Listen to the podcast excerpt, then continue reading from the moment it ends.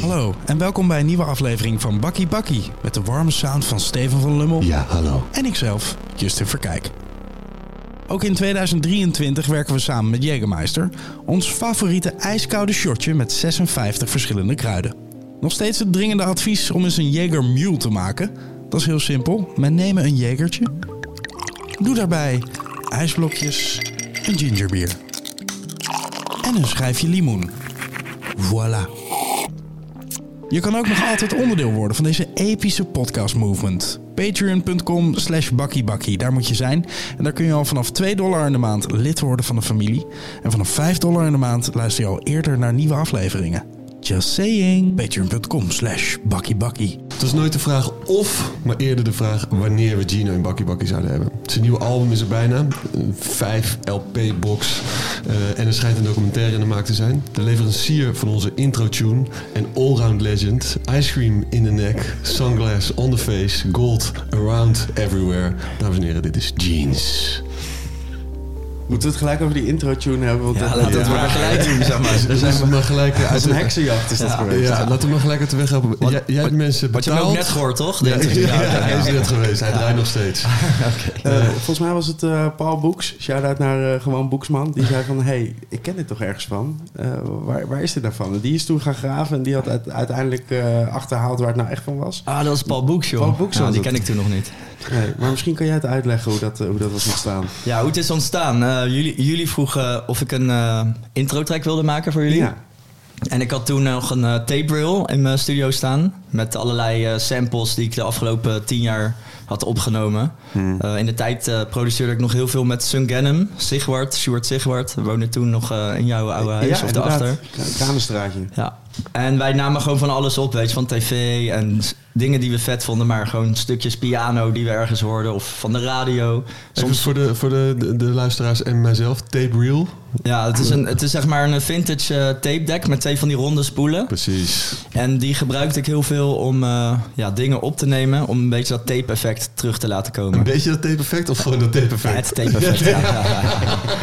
Ja, maar het moet ook weer niet te tape worden, Niet want dan is alles tape. mono en... Oh ja, oké. Ja, dat, Nou ja, ja. twee keer mono is ook stereo. dus, toch? Oké, dus jullie namen allemaal dingen random, tv, eh samples. Random shit. We hadden gewoon een, eh, twee van die spoelen helemaal vol, vol staan. Hmm.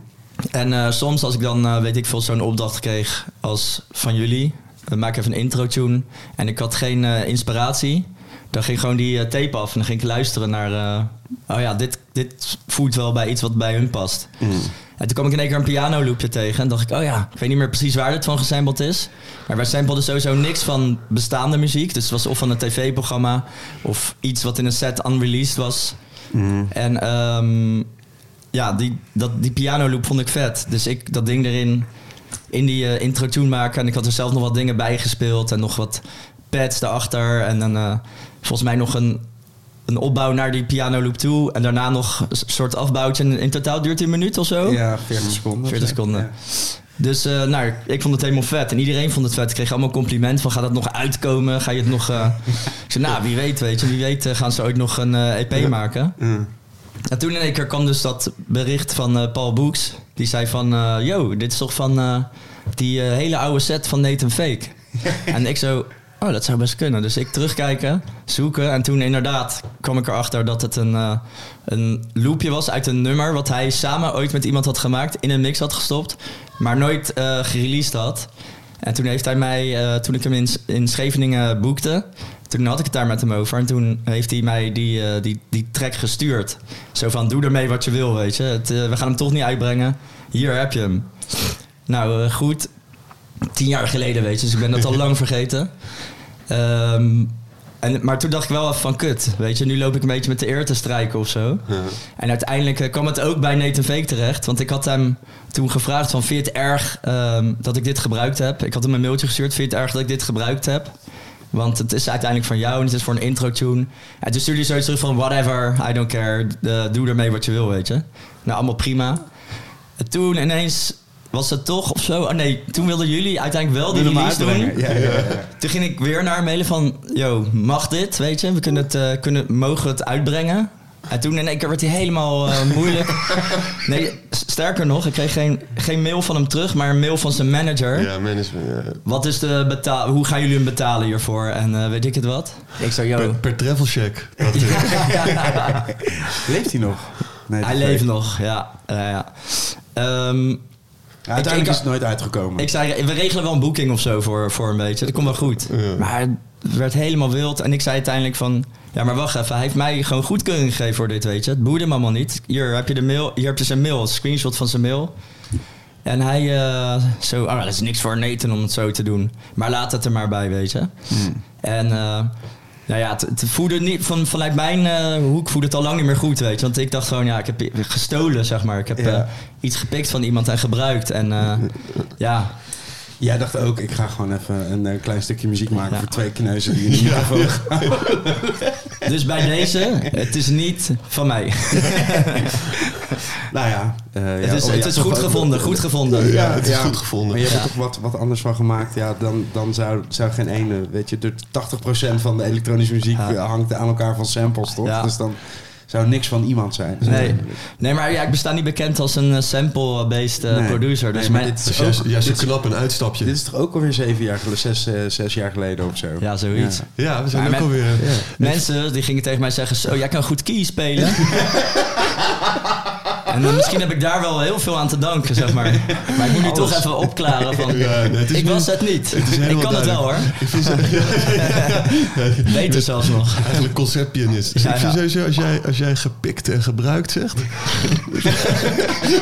Alleen om die reden zou ik zeggen, blijf gewoon doorsamplen. Ja, het, zijn, het woorden die heel natuurlijk klinken uit jouw mond. Ja, ja, ja. Gepikt en Ja. gebruikt. Maar in, in die tijd, of in ieder geval tien jaar geleden... Ik heb sowieso het idee dat jij, jij al een aantal DJ-levens achter de rug hebt. Ik weet nog Ja. dat ik Gino voor de allereerste keer zag. Dat was op de Fast Forward Parade in Rotterdam.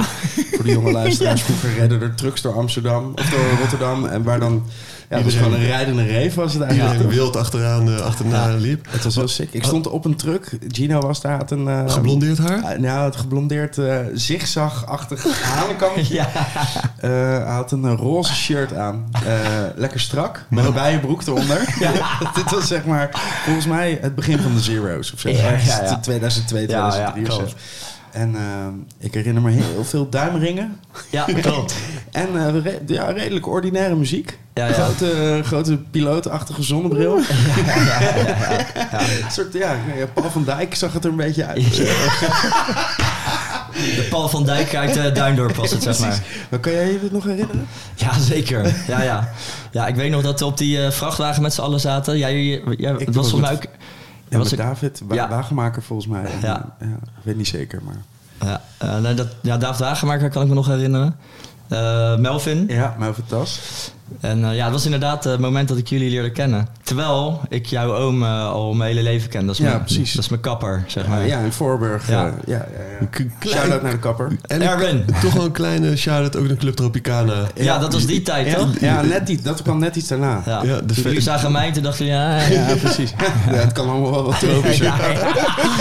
De Club Tropicana waren feesten die Justin met eh, David en Melvin gaf. eh, Hawaii en- parties. Hawaii parties, Ja, Themafeest, ook Ja. eh, eh, Club Fitness. Ja, allereerste bij Pip. Oh, nee, bij de Staat. Dat stand. Toen gingen we de clubs en gingen we naar de ik Steven leren kennen. Ja. Daar ging het allemaal mis. Hoe ging die ontmoeting ook weer?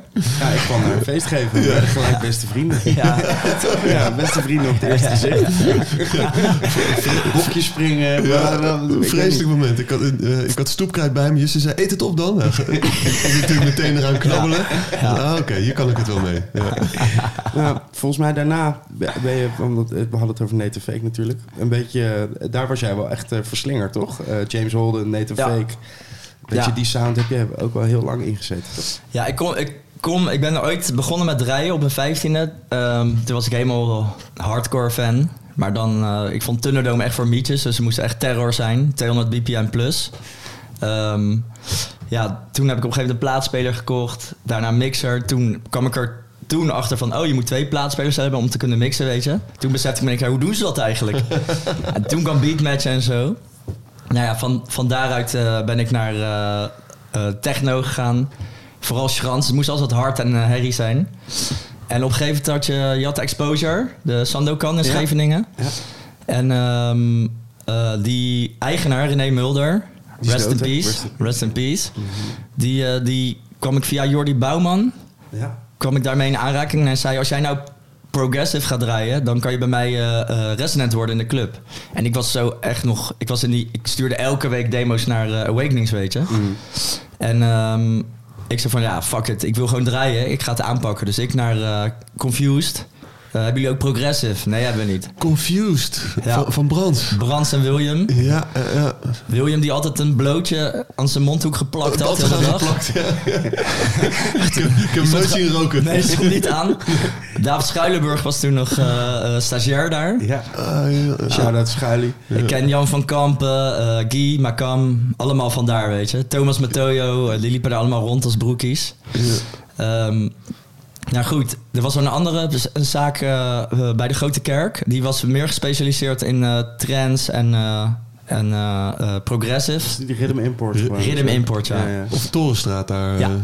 Toch? Daar zat hij laatst weer. Er was Ja, een, er was hij een was ja, maar een even ja, die is niet helemaal eh, van, de, van de grond gekomen. Nee. Die gaven te veel cadeautjes weg, geloof ik. En ehm, nou ja, goed, ik, ik progressive gewoon eh, John Dickweed, eh Sasha. Ja, wat dat was volgens mij wat ik je hoorde draaien. Een paar platen gekocht. ehm, gewoon een set gaan draaien daarmee, weet je. Gewoon niet, ik had er niet echt liefde voor. Maar ik stond toen in het voorprogramma van James Holden. James Holden kende ik niet. Ehm, nou, ik mijn ding gedaan. James Holden eh, daarna. En dat was mindblowing voor mij, weet je. Het was Waar gewoon, was dit? Was dit ook in de dit was in een exposure? exposure, Ja. James Ja. In de exposure? Ja, hier heb ik laatst een soort van, 2004, eh, 2005. een verhaaltje over gehoord. What? Dat dit gebeurde, ja. Ja, en eh, die set staat nog op eh, Soundcloud. Ja, dat heb Die ik gezien, Ja. inderdaad. Maar dat is voor mij echt een kantelpunt geweest. Want ik had alleen maar naar hardere stijlen geluisterd. Maar ik had sinds kinds af aan ook al... Ik moest huilen bij New Age muziek, weet je. Dus Ja. ik hield ook al van akkoorden en gevoelige, emotionele muziek. En dat was er nog niet echt in mijn... eh, in mijn zeg maar ja, het progressive was nog best wel plat of zo. Ja. Er zaten me- melodieën in, maar het was gewoon... Het waren twee akkoordjes of zo meestal. En Ja. heel veel eh, beats. Maar James Holden, die, die eh, set van hem, die, die mixte alles aan elkaar. Het ging echt van Daft Punk naar Left Field Electro naar ehm, ja, ambient ook. En alles zat, zat in een mix en hij mixte ook alles in key. Dus elke plaat klonk als de volgende, zeg maar. Ja. dus het Ja, was één sick. grote... En dat is voor mij, eh, ja... Ja, en in 2004 was dit best wel vooruitlopen, volgens mij. Want nu is dat wel wat algemener natuurlijk mixen in key. Ik heb Ja. het idee dat dat, dat, dat, maar dat toen Ja, dat, dat, was echt... minder gebeurde. Niemand deed dat, weet je. En ehm, ja, voor mij was het echt, echt mind-blowing. Zeg maar. Het raakte me op alle vlakken, want het had wel nog een bepaalde drive. Maar ik werd gewoon emotioneel de hele tijd. En ik dacht, hoe de fuck doet hij? Waarom is alles... Waarom is het één plaat, zeg maar? Die vier lang één plaat. Dus ehm, ik was daarna gelijk Border Community, zijn label, eh, ingedoken. En toen kwam ik dus... Nathan Fake, die had daar net een release op gehad. Nou, ik was verliefd. Het was voor mij... eh, ik was echt... was pink. Sorry? The sky was De pink. sky was pink, ja. Ja. Ehm, ja, dat was voor mij gewoon... Ik was hooked, zeg maar. Ik ging naar al zijn shows. Als hij ergens draaide, dan ging ik daarheen. En ik kende nog niet zoveel mensen in de scene. Dus ik kon gewoon een bak paddo's opvreten en dan vooraan gaan staan. En dan sprak ik niemand. en dan was ik gewoon aan het trippen, vier uur lang. En dan... Ja, dat was voor mij eh, was, was geweldig toen, weet je. Ja. En ehm, ja, uiteindelijk toch... eh, James Holden stopte ook met draaien. Op een gegeven moment ben je er toch ook weer een beetje klaar mee. Toen... Ja, wel een beetje die, ho- die hoogtijdagen van, van dat geluid was wel in de trouw volgens mij. Toen In de trouw, ja. tegelijkertijd met, Ja. de, met de, de- Volgens mij de closing zelfs heeft hij nog... eh, Zeg, maar, ben je wel bij Ex- Exposure ook resident geweest? Zeker, we zijn nog met René Mulder. Die heeft mij toen mee naar eh, Ibiza genomen. En eh, toen zei hij, neem je platentas mee. Ik zag la- laatst een foto van allemaal mensen die eh, eh, auto-ongelukken hadden, zeg maar, eh, overleefd. Omdat ze een riem gordel om hadden. En dan zag je zeg maar die blauwe plek zo. Maar die had ik dus ook, die blauwe plek van mijn platentas meenemen. Daar had ik nog een repost over gedaan van, eh, zo ziet het eruit voor... Niemand begreep het. Toen moest ik uit gaan leggen, dit is dus... eh, als je een platentas van eh, 60 kilo bij je hebt, een hele week, dan zie je er zo uit uiteindelijk.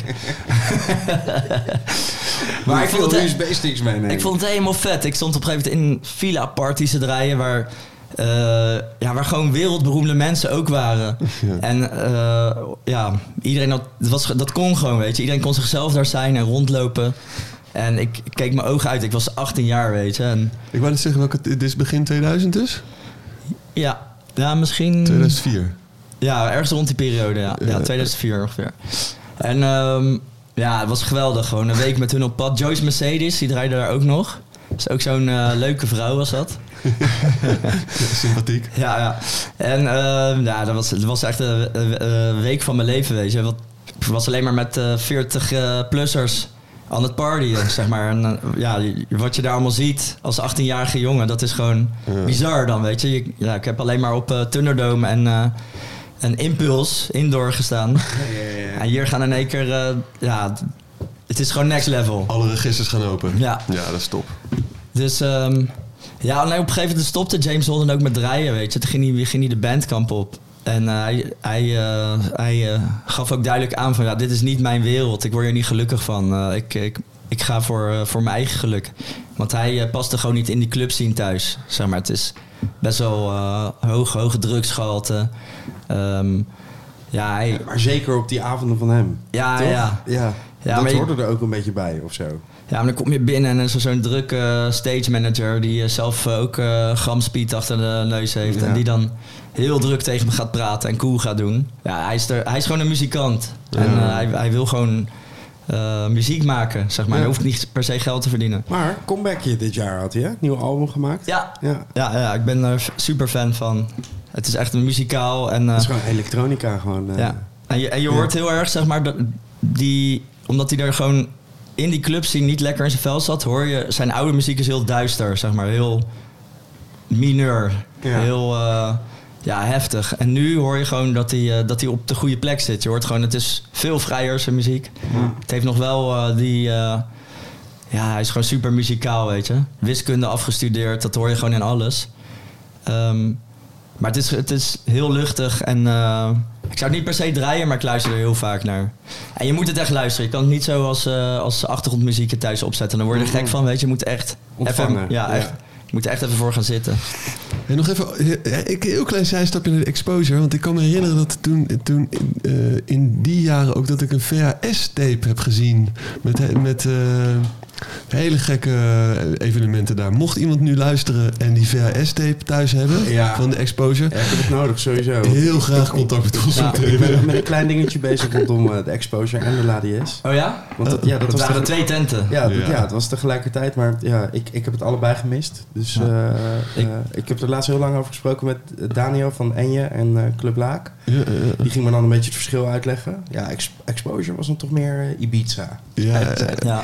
Ja, ik ben wel een Sandokan geweest, wat het uiteindelijk is geworden. Ja, natuurlijk. ja. Maar Exposure, de, de, de, de oudere broer van Dove Steve, die had die VHS-tape. Ik ga dat Oh ja? toch... Oh ja, Ja, denk ik me in één keer. Steve de Drijver, Steve Toet. Nee, ja. Ja? ja? Ja, Zijn oudere broer, die, die, die was daar... Eh, ik, heb, ik ben dus hele gekke wel, dingen eh, met komkommers en... eh, Ik ben een on- klein onderzoekje gestart en het enige wat ik op... eh, je kan heel weinig vinden eh, over de exposure op internet. Alleen die set van, eh, van eh, James Holden. Ja. En ik zag toch wel wat, eh, wat eh, videobeelden. Die zijn volgens mij door die René Mulder zelf op YouTube gezet. Ja. Eh, Ja, we hadden die- die- goed uit. ja, ja, ja, We hadden ook die set van James Holden op, op VHS-tape opgenomen. ja. En daarna eh, hadden, hadden Jordi en ik het gewoon online gegooid. En toen kregen we gelijk een boze mail van management. Van Gemma, de, de vrouw van eh, James. Van, ja, what the fuck, dat kan je echt niet zomaar online zetten. Maar ja, ik was zo jong, ik, ik wist helemaal niet hoe dat wereldje werkte, weet je. Ja, is vet, gooi het online. En Gina, even nog toch... we zijn er gelijk lekker ingedoken. Eh, thuis, hoe was, wat, wat, wat werd er gedraaid? Wat, wat draaide je pa? Ehm, ja, dat is het grappige. Mijn ouders waren ehm, ja, allebei gewoon mainstream. En ehm, ze begrepen ook niet echt... Zeg maar, ik weet nog wel dat ik met mijn moeder vroeger naar de, di- naar de dierenarts ooit ging. Omdat mijn hond... eh daar was iets niet goed mee. En daar hoorde ik dus New Age muziek in de wachtkamer. En toen moest ik huilen. En toen zei mijn moeder, het komt allemaal wel goed hoor met Baloo. En toen zei ik, ja, daar gaat het niet om, die muziek. zeg maar, dit, dit raakt me of zo, weet je. En toen ging mijn moeder er altijd lopen geinen nog, als er dan eh, kennissen over de vloer waren. Ging ze New Age muziek opzetten. Kijk dan, kijk dan. dan zat ik weer te janken. Maar je een voorbeeld noemen van, van eh, een tune, een New Age tune waar je emotioneel van wordt? Nou, ehm, ik denk dat er Brian Eno, dat dat wel een grote invloed had. En ik heb later... Ik was toen gewoon nog niet zo ver dat ik ging uitzoeken wie de artiest was of zo, weet je. Ik hoorde het gewoon en voor mij was het gewoon New Age muziek. Ehm, maar dat raakte me gewoon. Synthesizers, weet je. Dat, eh, en bedoel, ik vind het heel mooi dat iemand... Zeg maar, dat, ik heb wel eens discussies met mensen van... Ja, dat kan, elektronische muziek kan nooit echt emotioneel zijn. Want het komt niet uit een mens. Maar uiteindelijk, voor mij, zeg maar, is het onmogelijk om emotie uit te spreken. Ehm, of te gaan zingen of zo, weet je. Dat, dat, daar begin ik gewoon niet aan. Dus dit is mijn manier om mijn emotie te tonen. En ehm, ja, dat is gewoon wat me, wat me heel erg raakte en eh, bijbleef. Alleen mijn ouders die, die vingen dat niet op. Die, vond, ja, die kochten op een gegeven moment een, een eh, Playmobil synthesizer voor me. Zo, met zo'n demo-knop, weet je. Dan kon ik een paar toetsen indrukken zo. Eh, maar ik moest dan verder op voetbal en op judo en dat soort dingen. Ehm, ja, nee, de musicaliteit. Ze houden allebei van muziek. Maar het ging niet zo... Het, het had geen, niet echt diepgang of zo. Radio stond aan of zo. radio stond aan en het waren gewoon de usuals die ik hoorde. Michael Jackson en gewoon de dingen die op de radio waren, weet je. Ja. En op een gegeven moment weet ik nog dat ik eh, zeven was. Toen kwam Too, Too Unlimited eh, en dat vond ik vet. En dat vonden zij dan ook vet. En dat vond ik kicken dat zij dat vet vonden, zeg maar. Maar de, muzie- de muzikale... ehm, ja, het is- ik ben anders daarin, zeg maar. Ja. Als zij dat hadden begrepen, hadden ze waarschijnlijk al lang op muziekles eh, gestopt Ja. of zo. Of een echte goede Sint gekocht of daar meer Maar toch, op je vijftiende ben je het uiteindelijk zelf. zei je, ik ben gewoon, ik wist op een gegeven moment. eh, de broer van een vriend van mij had eh, Turn Up the Bass 1 en dat hoorde ik. En toen ik wist gewoon, dit is waar ik, waar- waarvoor ik op aarde ben. Zeg maar. Dat Mm. voelde gelijk al toen. Ik had nog nooit geresoneerd met zoiets, weet je. En ik vond het zo vet, zeg maar, ik was hooked. En vanaf dat moment ben ik gewoon auto's gaan wassen en wachten tot ik shit kon kopen. En ehm, ja, heb ik mijn weg in, ehm, in eh, muziek gevonden. Dus zowel DJ'en als eh, produceren. En ik heb produceren ook nooit geleerd van iemand. DJ'en ook niet, altijd alles zelf gedaan. Ja. Ehm, ook met, met de reden, ik heb een eh, concentratieprobleem. Dus eh, als ik YouTube-filmpjes ga kijken, dan ja, dat duurt te lang, weet je. Ik moet gewoon zelf gaan uitvinden en dat werkt voor mij het lekkerst. Duurt uiteindelijk nog langer, maar wel, nee, ben je wel zelf Ja, iets aan het doen in ieder vind geval. ik nooit erg. Nee, nee, Nee, ja. liever dat het heel lang duurt. Ja, ja, precies. Ja. beter gewoon zelf iets doen in ieder geval. Ja, en dan heb je ook je eigen uiteindelijk. Ik heb wel eens mensen van het conservatorium eh, naast me gehad en liet ik muziek horen. En dan zei ze: Dit is vet, maar eigenlijk kan het helemaal niet. Dan zei ik. Hoezo kan het niet? Ja, die akkoorden kloppen niet. Ik zei: Ja, maar klinkt het slecht? Ja, precies. Nee, het klinkt niet slecht, maar dat is ook het gevaar als je het leert, zeg maar. Ja, ja. Ja, dat je aan regels gaat houden. Ja. Ja, ja, en ik kan niet tegen regels. Jullie kennen me. regels bestaan niet. Als iemand zegt regel, dan zie ik alleen maar één ding, Ja. die moet ik verbreden. Daar, Ja, daar ga ik me sowieso niet aan houden. Nee, nee. Wij verregelen. Ja, ja, ja.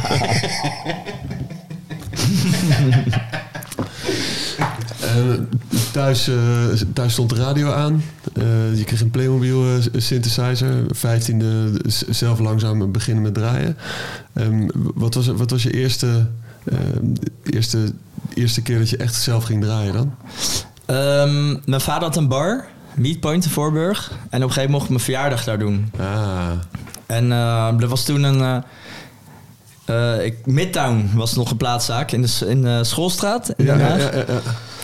En eh, daar ging ik dan heen. En ehm, ja, daar liet ik het me ook verkopen. En dan zei ze, ja, zeg maar van de Bla- eh, Backstreet was de No Diggity, zeg maar. Ja, ja. Een remix van. En ze zeiden al, dit is een future classic. Deze gaat geld waard worden. Ik zou pak maar één, je. En nou, toen had ik zeg maar wel een beetje een verzameling dat ik dacht van, nou... En ik kan het nu al een beetje. Mhm. Laten we een eh, feestje organiseren, weet je. Ik had een- aan mijn pa gevraagd of de, of de bar van de avond dicht kon. Dat ik voor mijn school, eh, zeg maar, op school wat uitnodigingen kon uitdelen en daar een party doen. En dat was mijn eerste set. En dat sloeg helemaal nergens op. Dat was acht man of zo, weet je. En, Wat, voor soort bar was dat? eh, het was een, het was eigenlijk allround eh, kroeg. Mhm. Ehm, mijn pa deed dan, het ging tijdens het ontbijt al open. En had hij lunch. Je hebt daar in de buurt, het is vlakbij Binkhorst terrein, heel veel eh, bedrijven. Mhm. Mijn pa was heel goed in eh, marketen en trams zingen vol met, eh, met reclame van Meatpoint. Had zes wagens rijden waar reclame op stond. En hij ging gewoon alle kantoorbedrijven af om foldertjes in- uit te delen. Ja. En had dan, weet ik nog, een Meatpoint bol. Er waren er 60 van. En daar zat een zalm op of weet ik veel, 60 verschillende soorten. Ja. En dat werd echt een, een ding, zeg maar. Al die bedrijven kwamen naar ons lunchen. Ja. Dus die lunch liep mega goed. Dan word je na de lunch eh, diner. Borrel en diner. Er stonden altijd pinda's op de bar, weet je. Dat mocht op de grond. Dat, dat was ook een ding, zeg maar. Een, ja, een, eh, een, een ding waarvoor mensen terugkwamen. En dan s'avonds gingen de tafels eh, eruit. En dan kwam er een DJ draaien. Jeffrey Huff was, eh, was, Ah, ja. Was eh, resident. En dan was het gewoon eh ski-hut-achtige vibes, weet je. Eh, ja, een hele hoop gekke dingen gezien in die tijd. En eh, op een gegeven moment ging ik zelf ook achter de bar staan. Ehm, ja, dat, la- lange dagen. Ontbijt. Van ontbijt tot, eh, tot, eh, tot après-ski. ja, mijn pa is een eh, harde werker. Die staat vijf uur s ochtends op en dan ging hij terras schoonspuiten. Was altijd bezig aan die tent, verbouwen. Ja, het is gewoon een... eh, een eh, ik heb dat ook wel een beetje van hem. Workaholic, zeg maar. Ik, ik moet ook bezig blijven. Hoe lang heeft hij die tent gehad? Ehm, ik denk rond de jaren 91. Dat- Dat hij toen is... eh, hij pachtte toen... En er waren nog een paar andere tenten die hij deed voor een andere baas. En ehm, uiteindelijk heeft hij voor de Meatpoint gekozen. En toen zijn we daar gaan wonen. En dat was gewoon onze thuishonk. En dat liep als een trein. De zaak was...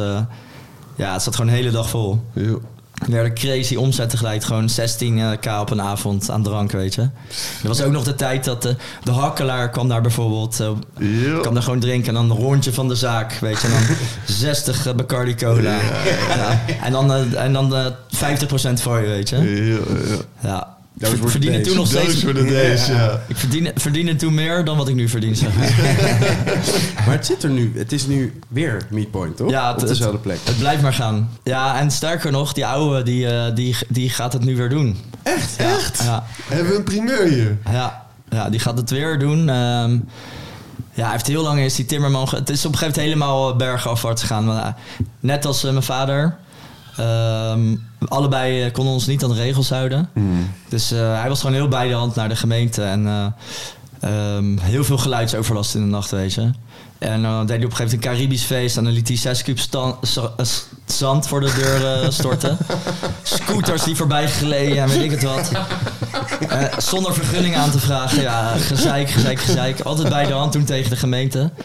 Maar ik dacht op een gegeven moment ook van... Ja, ik, ik, ik sta daarboven, weet je. En toen ging hij verbouwen. En toen had hij, zonder het aan te geven, had hij een gat naar de, het pand daarnaast gemaakt. De keuken daar gemaakt. Ja, op de dag dat hij weer opnieuw open ging, stond de brandweer en de gemeente, alles stond Ah, binnen. En die zeiden, gooi maar dicht dat gat. En eh kregen we limiter op de muziek. Dus die feestavonden was in één keer 80 dB. Ja. Dus mensen stonden echt zo, wat is dit? Nou, binnen drie, da- drie weken was het gebeurd, zeg maar. Het was gewoon... De word was out there. Meatpoint is niet meer wat het is. We liepen te eten met parapluutjes om. Zeg maar van de ene tent naar de andere tent. Ja, het ging gewoon... Die zaak was altijd echt een hele hoge waarde voordat het gebeurde. En daarna was het echt binnen een paar maanden was het gebeurd. Failliet. Eh, klaar. En vanaf, daar, eh, vanaf dat moment is het gewoon... eh, ja, is die timmerman geworden.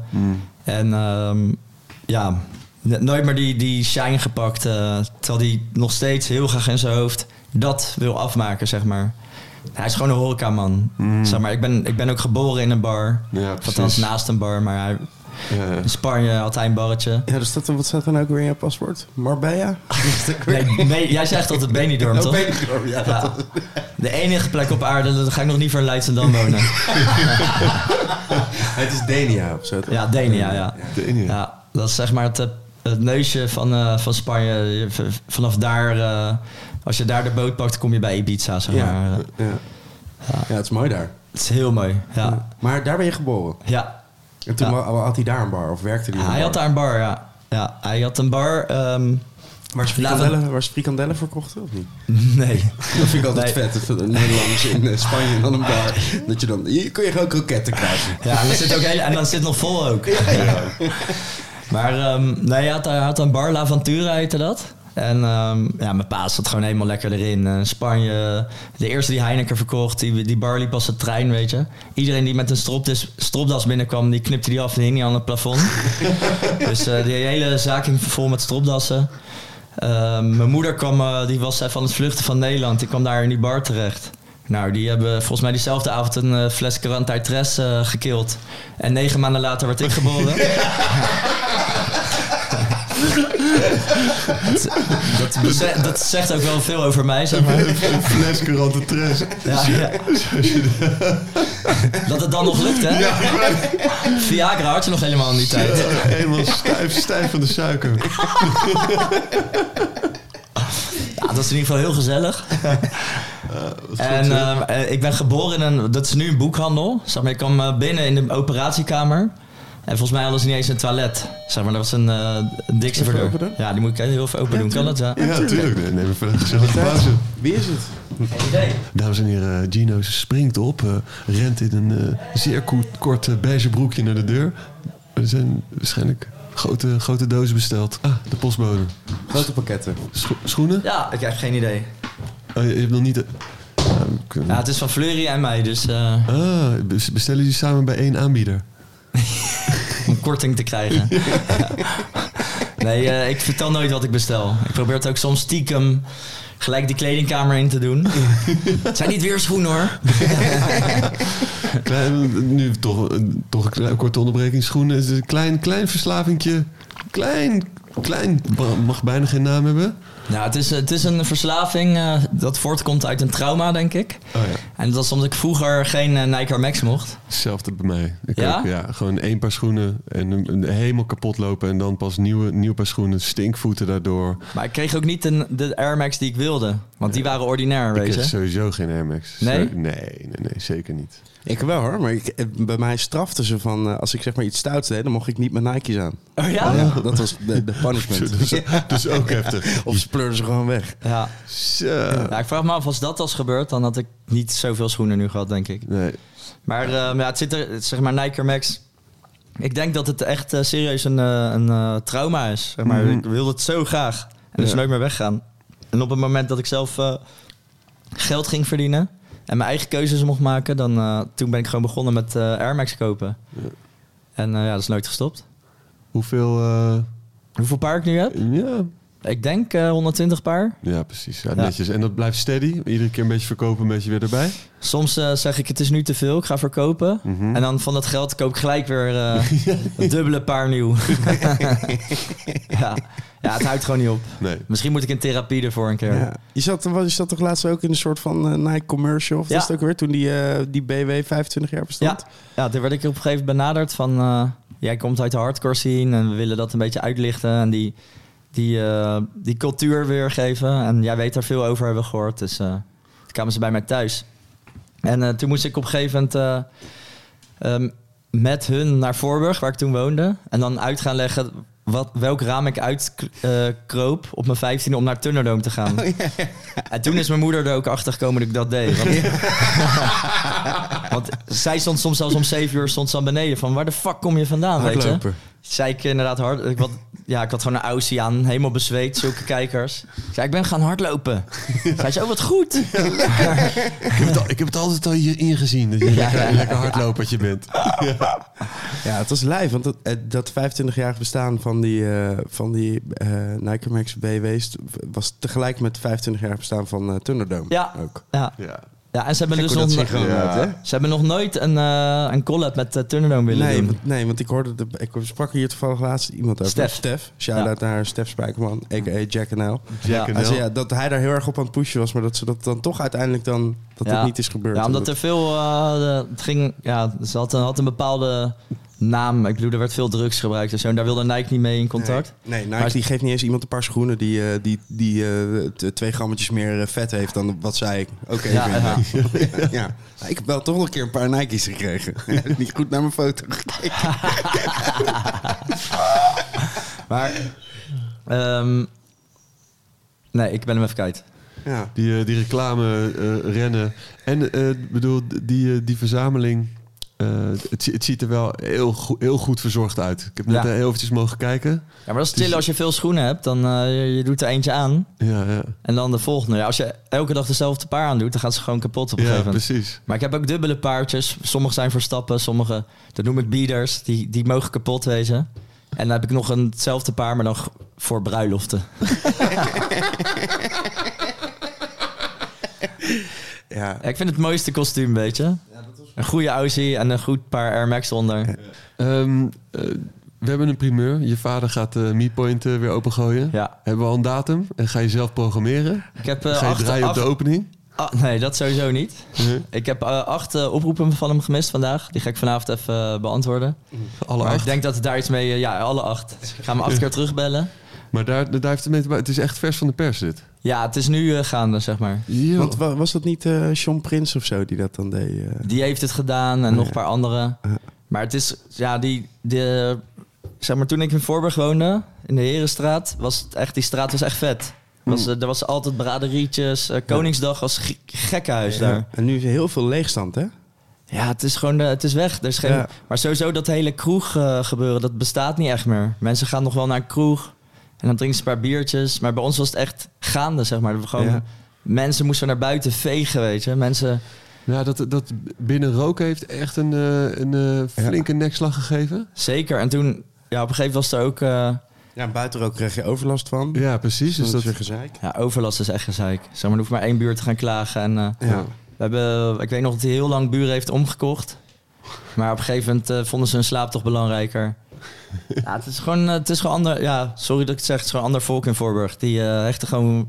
Zijn een beetje egoïstisch van zodra ze een geluidje horen. Ik bedoel, we zaten naast een station waar een trein voorbij denderde. ja, precies. Ja, daar word je ook wakker van, weet je. Ja, maar toch gaat hij, gaat hij dit weer doen. Ja, Is dat dan iets waar je je zorgen om maakt? Nou, ik heb laatst wel tegen me gezegd van... eh, denk niet dat, het, dat je het weer zo kan krijgen als vroeger, weet je. En je moet gewoon wel even opletten. Ehm, als ik nu buiten Den Haag ga eten... zeg maar in een, in een eh, ja, wat minder populaire stad...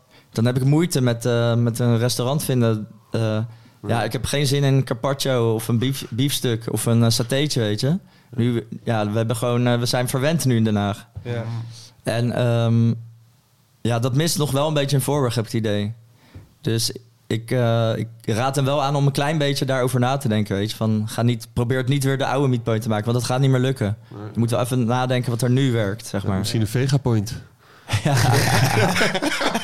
Meatpoint, Vega Edition. De Vegan Point. Ja, let's go. Ik ben erbij. Ja, Ja.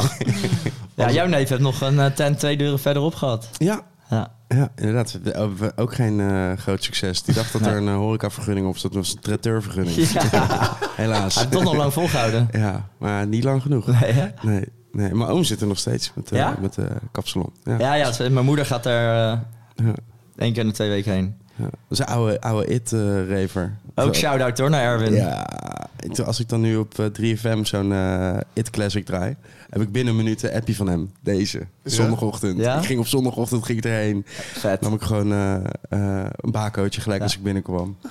En dan eh, gingen, we, gingen we nog even tegenaan. Ik heb, nog, ik heb nog een vet verhaal over Erwin. Zeg maar, eh, toen ik gabber was, ik wilde kaal, weet je. Nou, mijn moeder, no way. Geen Air Max, ge- geen Aussie, niet kaal. Ehm, maar op een gegeven moment dacht ik, ja, ik heb er gewoon scheid aan. Ik ga gewoon naar Erwin toe en ik zeg, eh, mag van mama? En ik dacht, doe ik gewoon een eilandje, weet je. Bovenop lang en dan zo'n staartje, weet je, achter. Wacht even. Niet Wacht zo, even. niet zo'n fuente knot, maar een staartje. Wacht even. Je, je ging naar de kapper, je wilde eigenlijk kaal. Toen dacht je, om het goed te maken, noem ik een eiland en een staartje. Ja, ik dacht, die, eiland, die eiland kan ik laten hangen en dan ziet mijn moeder het niet, Oh, weet je. Precies. En ik had natuurlijk al lang stiekem een Aussie die ik eh, onderweg naar school eh, ergens in een park aantrok. En dan voordat ik thuis gewoon weer uitdeed, zeg maar. En ehm, toen kwam ik dus bij Erwin en Er- Erwin helemaal in het zweet gelijk van... Dit kan niet, weet je. Dit heeft Carla nooit goedgekeurd. Carla zei mijn moeder. En eh, hij zei, oké, het is kaal aan de zijkant. En ik zo, kijk, ik zo, het is gewoon opgeschoren, net als altijd. Hij zei, ja, maar als je een petje op doet, dan lijkt het kaal. Ik zo, ja, flikker op, weet je. Dit is, dit is gewoon niet, eh, dit is niet kaal. Ik, wa ik was boos. Dus ik gelijk een maatje van me gebeld, die woonde om de hoek. Zeg, wij gaan nu eh, met jouw vader tondeuze mijn hoofd kaal scheren. Dus wij dat proberen, weet je. Nou, die tondeuze werkte niet. Uiteindelijk hebben we gewoon een scheermesje gepakt. Zijn we gaan scheren. Ja, ik kwam thuis met 30 snee in mijn achterhoofd. Mijn moeder, wat de fuck heb jij gedaan? Ik zei, ja, dat mocht van Erwin. Moeder gelijk naar Erwin, wat heb je gedaan? Nee, ik heb gewoon opgeschoren. Nou, uiteindelijk eh, kwam de aap uit de mouw. Ja, ik, ik heb toch nog zelf een klein beetje bijgewerkt. Maar ik liep zwaar voor lul op school, weet je. Mensen op school, wat heb je gedaan, joh? Allemaal snee en wonden.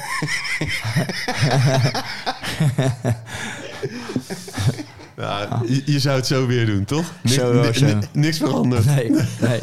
Maar, ni- maar niet meer met een scheermesje. Gewoon een, eh, gewoon een standje 1. Nou, je had het, eh, nu een lange tijd eh, had je een goede mat staan, maar nu is het toch weer iets, eh, iets geworden. half mens, half mat was het Half toch? mens, half mat, ja. Ja. Ja, ik heb zeg maar, ik, ik kan het nooit te, te lang hetzelfde houden, zeg maar. Daar, daar ben ik een beetje, ik ben heel erg gevoelig voor clichés. Mm. Dus op een gegeven moment als het de hele tijd hetzelfde wordt en ook mensen komen de hele tijd naar me toe van, ah, die mat, ik neem ook een mat, ik neem ook een mat. Ah, matlas. Ja, Mijn ja. vader heeft nu ook een mat. Ja. Ja, op een gegeven moment ben je eh, 30% van de avond ben je met mensen over je mat aan het praten. Ja, dan ben ik er heel snel klaar meer, mee, ik ben je. meer dan de, ben meer dan de mat. Dat is letterlijk wat ik zei. Ik Ja. besta ook nog, hè? Ja, ja, ja. ja. ja, want je stond in de matlas. Ja, dat stond ja. er ook weer bij hipstermatje. Ja, ja. ja Da- Da- David was er boos daarover. Die heeft me toen nog gebeld. Ik vind het toch niet oké dat ze hipstermat erbij hebben gezegd. David is de, de mattenkoning. Nee, David eh Schog. Oh, Dat is, ja, eh, compagnon van Steven. Ja, ja, ja. Nee, dat is... ja, ik vind het ook niet oké hoor. Nee? Nee. Ja, ik ben daar dan te makkelijk in. Jij was maar- naar die bol ook nog geweest, toch? Of niet? Nee, die borrel ben ik niet heen gegaan. en ik ben blij ook. Zag ik beelden van, maar ze strijkers aan het afsteken, toch? Ja. In juni. ja. Ja, als je het niet kent, eh, de matlas, zoek het even op. Het is een pra- prachtig boek. Ja, Ja. zeker. Ja, het, is, het is een heel mooi boek. Want je ziet haar... Ze zeiden ook, jij bent bij far de liefste jongen die we hebben gefotografeerd. Ehm, de, het waren echt gangsters, zeg maar, die erin stonden. En die zie je dan eh, high definition van dichtbij op de foto, weet je. En Dat zie je niet vaak, want meestal ga je, neem je afstand als Nee, ze ze, ze, hebben er, eh, ze hebben er tien jaar over gedaan, hè? Ja, Het boek, het is... Ja, het was het- gewoon het- een woordgrap, toch? Eerst. Ja, maar sowieso, het lijkt alsof, het, eh, alsof ze het in de zomer hebben gedaan. Maar ze hebben er echt tien jaar over gedaan om, om iedereen te fotograferen en, eh en zover te krijgen om op de foto te gaan. Dus het is, eh, het is Ja. een, een levensproject van Daniel, Joosten en Rijn. Vol- Pe- petje af. Volgens mij ben jij degene geweest die het heeft geboost... om uiteindelijk die crowdfunding voor elkaar te krijgen. Ja, de- ik had een eh, interviewtje gedaan toen, toen ik nog bij de regionale omroep zat. Toen hadden we net een samenwerking met, eh, met de NOS. Dus die ging dan eh, regionaal nieuws ook pushen op hun, in hun app en op hun website. En toen hadden ze op de een of andere manier dit verhaal uitgekozen. Dus er stond ook een audiolinkje in en een link naar die eh, crowdfunding. Toen was het volgens mij eh, binnen een dag eh gecheft. Was dat geld bij elkaar. Ja, maar Ja. sowieso, het is nu eh, de, de derde of vierde druk. Het gaat, eh, Ja. het- en, en het wordt, ze willen wereldwijd, hè? Ja. De, de, de, de mat zien ze echt Ja. als een... eh, Ja, want je hebt in Australië ook gewoon heel veel... Australië heb je een hele grote zien. ja, Dat is nu verboden, hè? Op school mag je geen mat meer hebben. Echt? Ja. Wauw, dat is echt lijf. Maar goede reden om niet naar school te gaan. eh. Ik heb sowieso het idee dat mensen met een mat niet echt naar school gaan, toch? Eh, ja, vertel even over je school. ja, hoe was je Oh, school? ja. Hoe was je Ja, schoolperiode? die duurde heel kort. nee, eh, maar ja, ik was, eh, ik was een eh, ja, best wel wel gef- gefrustreerd jongetje. Ehm, dus ik eh, was ja, heel snel niet meer bezig met school. Ik vond het totaal niet interessant. Alleen wiskunde vond ik vet. Maar voor de rest, eh, ja, ik was ook gewoon aan, het- aan het handelen in, eh, in eh, illegale sigaretten, eh, illegale video's. Het Dit is allemaal- iets dat je nu moet oppikken, illegale sigaretten. Ja, Ja, je ja. goud geld Ja. mee verdienen, denk ik. Hoe Ja. kom je aan illegale sigaretten dan? Ja, papa die, eh, die, die zat daar wel in de business. Die had ook een illegale videotheek in onze kelder. ja. Ja. ja zo, kan- zo, zo kwam ik aan mijn porno, zeg maar. eh. de dagfilms die net iets eerder bij hem uitkwamen. ja, ja, ja. ja. Bij Zeg een maar- illegale videotheek in Je Ja. moest het ook terugbrengen. Het is niet verkopen, maar... Nee, mensen huurden het. Ja, ja. En ehm, ja, ik vond, het, ik vond het allemaal vet, weet je. Het mag niet, dus eh, ja, ik doe ook wel mee. en eh, dan verkocht ik die dingen op school. En ik zat eigenlijk meer eh, in de klas na te denken over hoe het verdienmodel zou zijn over een jaar. Ik zat mezelf helemaal rijk te rekenen. ik ben dan miljonair, weet je, als ik zo doorga. maar nee, ik, het, ging gewoon, het ging gewoon niet goed op school. Ik, ik blode heel veel. Ik, mijn ouders die gingen helemaal niet lekker. De scheiding heeft heel lang geduurd. Ik miste daardoor wel een, een eh, emotionele opvoeding, laat het zo zeggen. Zeg maar, er werd niet echt veel over mijn gevoelens gepraat. Ehm, dus ik was echt een beetje aan de straat overgeleverd. Ik was heel onzeker. Ik dacht eh, ook, de leraren zeiden tegen mij: Jij komt in de goot terecht. Jij gaat, eh, jij- er gaat niks van jou terechtkomen. En dat geloofde ik ook op een gegeven moment. weet je. Dus ik, ja, op een gegeven moment had ik ook scheid aan hun. En ik had alleen maar ene. Bal voor wiskunde dan een tien. Maar op een gegeven moment eh, zeiden ze van, eh, ja, het is klaar, weet je, je moet gewoon van school af. En toen eh had ik ruzie gekregen met een, eh, met een eh, leraar. Die heb, ik, die heb ik een hele plateau met eh, koffiekopjes op zijn hoofd gegooid. Toen moest ik eraf en toen mocht ik ook nergens anders meer op school. Dus moest ik eerst eh, bij Voorburg Compact, was zeg maar een eh, klas voor probleemkinderen, moest ik dan eh, mezelf bewijzen dat ik uiteindelijk weer naar een andere school kon. Ja, ik zat met mensen in de klas die leraar hadden neergestoken en echt Mongolen. En ik was wel gewoon een lieve jongen, maar ik hield me gewoon niet aan regeltjes. Maar ik zou nooit iemand neersteken, weet je, dat niet. En eh, toen, eh, was ik daar, toen was ik daar weer gewoon oké, want ik kon niet met hun levelen. Dus ik kon mijn concentratie er weer bij houden. En ik had ook wel, was mijn leven een beetje aan het beteren. Dus ik besefte zelf van, ik moet echt eh, anders gaan doen. Anders ja, gaat het niet goed komen, weet je. En toen vanuit daaruit kon ik naar of het Grafisch Lyceum, wat ik heel vet vond, of eh horecaschool. En eh, mijn pa die had me gepusht van, joh, horeca is gewoon jouw ding. Je kan de zaak van mij overnemen. Dus toen kon ik gelijk aan de bak. En dat is toen eh, jarenlang mijn, eh, mijn ding geweest. Wel die school ook nog gedaan. Die school heb ik gedaan, ja. Gastheerdiploma heb ik in mijn zak. Oh, ja. Maar dat is het enige diploma. Ja. Dus, Daar ben ik vanaf getrapt. Ja. school. ja, het, ja. Omdat je Ik alle ja, op zat te ik vond- Ik zuipen. vond eh, de, de, de, het praktijkgedeelte vond ik heel leuk. En dat snapte ik ook. Mijn ouders dat ook, hadden ook eh, een strandtent en een lunchroom. Allemaal dat soort dingen. Dus dat snapte ik. Maar ja, ik begreep dan niet waarom ik dan ook bedrijfseconomie moest doen. Dus Ja, ja. Ik neem maar gewoon een boekhouder, toch? Ja, ja, ja. Dus Ja. ja. maar op een gegeven moment ging dat toch niet meer op. Nee. Weet je, zeiden ze ja, eh, je moet toch ook... eh, Waar zat jij in Den Haag? Ja, Mondriaan. Mondriaan, dat, ja. ja. Toen zeiden ze, je moet gewoon zo ver mogelijk wegblijven bij de, de economie. Hadden ze gezegd. Toen ben ik naar Mondriaan economie gegaan. heb, ik, heb ik daar mijn diplomaatje gehaald. Toen had je ook nog duimeringen, toch? Dat had ik ook een duimringetje. Ja, ik vind het jammer dat ik die foto niet meer kan vinden van je. Ja, dus iemand stuurde me Classic. laatst een foto van mezelf met een duimring. ring. Maar ik weet niet, ja, ik weet niet meer wie. En, Ja, het is toch vet om dat te zien van vroeger. ja, zeker. Zo, wel, wel liep ik erbij, zeg. Ja, Ja, zo kijk je over tien jaar ook misschien weer terug naar nu, toch? ja. Ik hoop het. Alleen gaan die vlekken er niet meer af. Dus dat Een gastheerdiploma, dat is wel echt... Wauw, dit, dit kun je gewoon ten alle tijden mee aankomen, hoor. Ja, ja ik, het is heel lang mijn werk geweest. Alleen op een gegeven moment... eh, ja, dan kwam ik, ik ging bij Woesa werken. Toen eh zei Floris Groeneveld, nu eh, eigenaar van Apenkooi... mede-eigenaar van Apenkooi... van Digital Festival. Shout-out naar Flowers Greenfield. Shout-out naar Flowers Greenfield. Ik heb een hele hoop van, van hem geleerd. Ja, want je Ehm, ging toen ook een beetje programma doen, toch? nou hij zei op een gegeven moment, eh, hij wist, zeg maar, ik was, ik was wel volop aan het draaien. Dus hij wist, daar leerde elkaar ook door kennen. Ehm, hij wist dat als ik het aan iemand over moet dragen, dan is hij het waarschijnlijk. Ik heb hem zelf nog jarenlang eh, bedankt van, want ik zou mij, mij niet vertrouwen om dat, eh, dat stokje over te geven, want ik was best wel roekeloos eh ventje. Ja. Ehm, Zo, ik moet gelijk denken Ja, aan... maar je nam het wel serieus. aan die autorit. Ja. ja. Ja, vertel even. Nou ja, eh, ik zat, er was een avond bij Woesa met eh, volgens mij... Nacht digitaal. Nacht Digitaal, Ja. Stefan Benneman. was echt een gezellige avond. En eh, de eigenaar had toen ook nog een andere tent, Naturel. En ja, volgens mij, ik ga ervan uit dat jij op het lumineuze idee kwam... om daar nog heel veel, nog één, één of misschien twee... maar zeker niet meer dan drie bakjes te drinken. en en we stappen de Woesa uit en je, had de, je had de jeep voorgereden. Met aanhanger. Met aanhanger.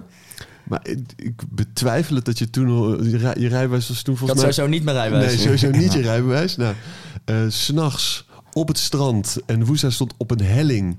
Eh, v- reed je toen gelijk al die palen eruit? Nou, of, want die stonden van die hoge, van die, van die, van die vlaggen, van die dode takken met vlaggen. En reden gelijk twee of drie van die palen reden eruit. heb ik expres eruit. Ja, ik- Ja. dat ging expres. Eh, Oh ja, tuurlijk. Ja, ja. Nou, dat zag er helemaal niet expres uit. Toen zijn we, ehm, zijn er, ik denk een mannetje of zes, zeven in die jeep gestapt en nog een mannetje of twaalf in die aanhanger. Open aanhanger. Open aanhanger. Zo, en toen, eh, het was een schuim in zee. Toen reed je door dat schuim in die... Nou, En toen zat je vast of zo, toch? Nee, nee, we zijn gewoon naar Nee, het Naturel is- door, door het water gereden, zeg maar. Eén grote water van de zijkant. nou, ik, ik, ik ben... eh, ik, Ik heb ben, er nog foto's van die auto. ik ben sowieso natuurlijk helemaal geen held. Nou, het schuim, het schuim. Dus ik uit mijn ogen wrijven. Eh, ik stond op een gegeven moment achter die wagens. Dus zette jij me hier achteruit. Springen, mensen aan de zijkant. Gekkigheid. En ook bij Naturel zo erop rijden tegenaan. Toen zijn de volgende dag... eh, moest iedereen op het matje komen. Van, eh, van Woeza. Van, eh, hoe hebben jullie dat ooit kunnen doen? En het kan zo niet. En die bedrijfswagen. En al, die, al die gasten, artiesten. Iedereen doodsangst. eh. Er was één iemand die helemaal niks te horen kreeg. Die gewoon weer lekker aan de slag kon. Gino. Er zijn twee mensen ontslagen toen, hè? Behalve- En ik niet. Slaat helemaal nergens op. Zonder rijbewijs achter het stuur. Dingen omver gereden. Maar als we dan ook een, een, zo'n eh, intro-gesprek hadden, elk jaar weer met nieuw personeel, dan eh, werden altijd alle regeltjes verteld. En op het einde zei ze, er is één iemand die niet aan de regels hoeft te houden als Gino. Want dan werkt hij het best. Ja, ja er staat een foto van jou erbij, toch? Er is één iemand die zo mag werken. Ja, ja, ja. Dat, is, dat is Gino. Ik Maar mijn- dan- met mijn linkeroog mijn ja, rechterbroek. maar er hangt bij Pip ook een foto op de wc. Die zag ik toevallig vorig weekend nog even. ja, Toen je aan het draaien was. ja. Gino's eerste werkdag. Lag je het volgens mij eh, lekker te, in je blote bas te slapen op een bankje. Ja. Bank op kantoor, ja. Toen werd ik uiteindelijk om 11 uur wakker, Eindhoven tram 17, waar ik helemaal niet moest wezen. In een, in een crop top truitje met allemaal sliert eraan. Het was tien uur s ochtends, ik wist niet waar ik was. En ik moest wel naar huis. Ik zei, ja, geen idee, over straat. Mijn telefoon was uit, ik had ook heel veel uit te leggen toen ik thuis kwam natuurlijk. Van, waarom heb je... Die koptop aan. Maar met een heel strak roze pluche koptopje aan. Ja. En wel mijn telefoon uit. En ja, ik kon er geen antwoord op geven. Sorry, ik, heb- ik werd daar wakker. Geen idee. Uiteindelijk bleek het topje van Violet te zijn. Die heeft nog mij geprobeerd te helpen. Maar dat was eh, nee. Shout-out naar mijn Violet. eerste werkdag. Dat ik toen nog wil blijven. Thanks. Ja, ja. Ja, maar to- even Ja. terug naar de boeza, want veel aan Floris te drank. Te, Oh ja, te ja. drank. Drank. Ook dat. over, over, ook dat. Over, over drank gesproken. Ik, eh, Ja, zou ik een even... klein- ja, een kleine refill. eh. Zo, is wat dit? is dit? Wat is Eh, dit oh, nou? yo, Oh, yo, oh, oh, wacht eens even. Heb je dit Oh. zelf gestookt? Ik heb het zelf samen, zeg maar, het zijn verschillende rummen bij elkaar. Zou je alsjeblieft eh, voor mij ook een glaasje in willen schenken? Jezus, wat is dit? Nee, het zit in een fles waar je normaal gesproken olijfolie in bewaart. Ja. Boeza waren we gebleven. Je ging een programma doen. Ja, nee, eerst, Nee, eerst werken marketing. gewoon. Eerst marketing. Oh, ik ja. werkte achter de bar. Ja. Ehm, nou, Floris op een gegeven moment, eh, eh, ja, heb je interesse, interesse om de marketing een beetje te gaan doen? Nou, hij was ondertussen al bezig om naar Apenkooi te verhuizen. En eh, Dat Woeza- was, zat, zat hij al eigenlijk, toch? Het was een beetje zo van... Dat toen hij- begon het, zeg Ja. maar. En eh Woeza was mega succesvol, weet je. Gewoon Ja. elke zondag jam sessions. Uh, Woeza, een strandtent op het Zwarte Pad Ja. van Scheveningen. Wat Ja. nog steeds bestaat, waar Ja. niks meer van over is. Het heet nu ook anders, hè? Ja, dat hoorde ik. Ja, het heet Ja, anders. Had, Ja. hij veel, had hij veel eerder moeten doen. Ja. Nee, maar het is gewoon... to- toen was Zwarte Pad... Stond ook, de politie wist niet eens dat het bestond, zeg maar, weet je. En dat Ja, en bestond echt... daarvoor had je nog eh eh Mecca. wat MTV Beach House. sick was, Ja.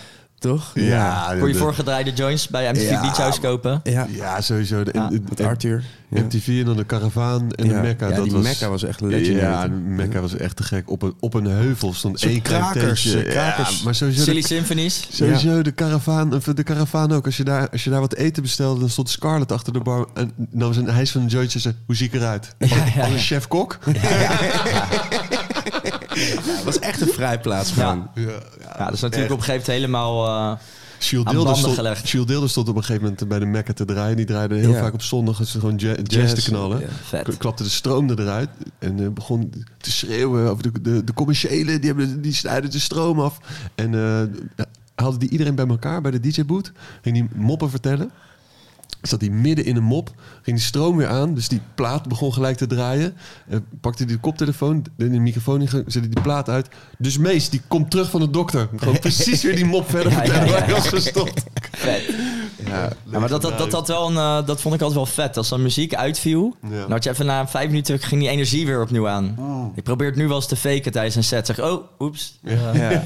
per ongeluk een schuifje naar beneden heb gedrukt, weet je. Ja. Laatst bij Pip, eh, toen eh, had ik de BPM in één keer verdubbeld per ongeluk. De- ik weet niet meer hoe het is ge- ge- gelukt, maar, maar dat heeft toch dan weer dat effect van iedereen is even zo wow. En Ja. dan maak je het weer goed en dan zit iedereen er weer lekker in. Ja. Woesa, Floris Ja. is naar Apenkooien en eh, die, heeft, eh, die heeft iemand nodig, een wingman. Ja, marketing eh, doen. En uiteindelijk werd het dan muzikaal programma overnemen.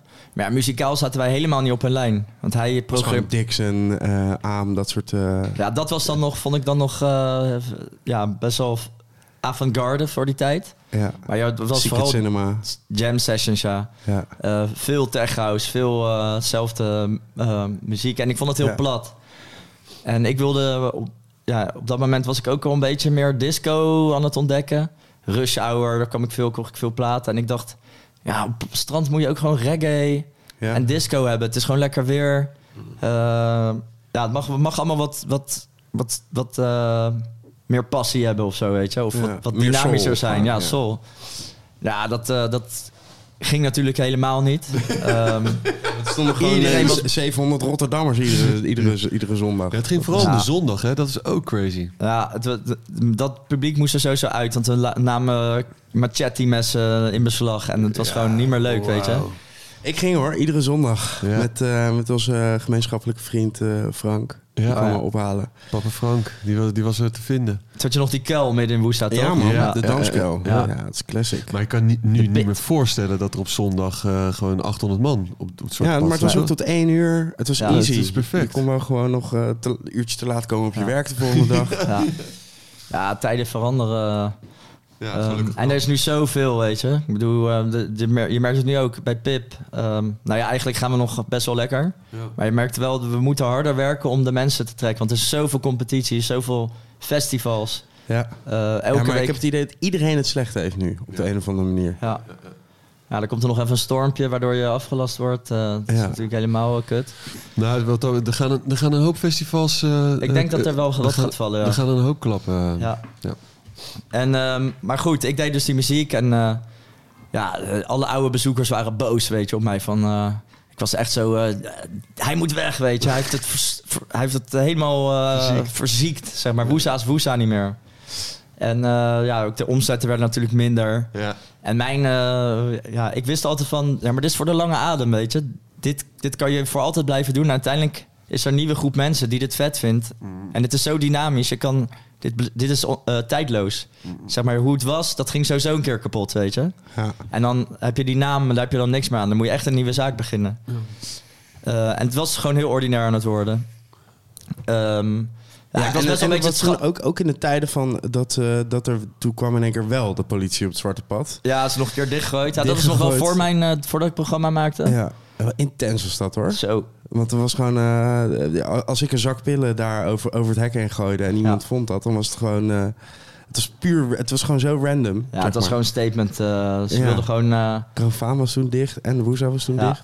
Ja, het was, eh, was wel heavy hoor. Random, random. Nou ja, nee, kijk, maar de, als ik dus kwaad wilde, Ja, zeg maar, dan pleur ik bij jou een zak pillen over de, over de schutting. is- en dan ben jij is- gewoon dicht. ja, dat is fucked up. Ja. Ja, er werd uiteindelijk één jongen met een zak pillen gepakt. Ja. En eh Woesa moest eh, zes maanden dicht. Iedereen werkloos. En die jongen stond een dag later weer op straat, weet je. Ja, dat bedoel ik. Ja, maar dat is volkomen absurd. Ja, Dat is echt die verantwoordelijkheid bij de horeca-eigenaren leggen. Dat Ja, is, terwijl Ja. je gewoon fouilleert. En Ja. doet, ja. Ja, ja, Je kan Ja, niet iedereen eh vuist in zijn reet stoppen, toch? nee, dat Maar kan, je moest dat ook kan wel. stickertje. Je moet ook stickertjes opplakken dat je hier geen drugs mag gebruiken. Oh ja, nee, Oh, ja, inderdaad. dat, dat- is echt precies waar mensen eh, op letten. Oh, ik zie een sticker daar. Nou, laat ik het dan maar niet doen. Ja. Maar het is bij Indigo zitten schrik er nog steeds in. Want die hebben gewoon een eh, drugshond eh, voor de deur eh, Ja. zitten. Ja. Ja, het was, eh, ja, het was eh, even, even schrikken toen. Ehm, ja, toen zijn ook wel... iedereen was bang.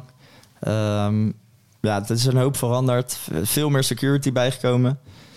Ehm, ja, uiteindelijk werd Woesa overgenomen.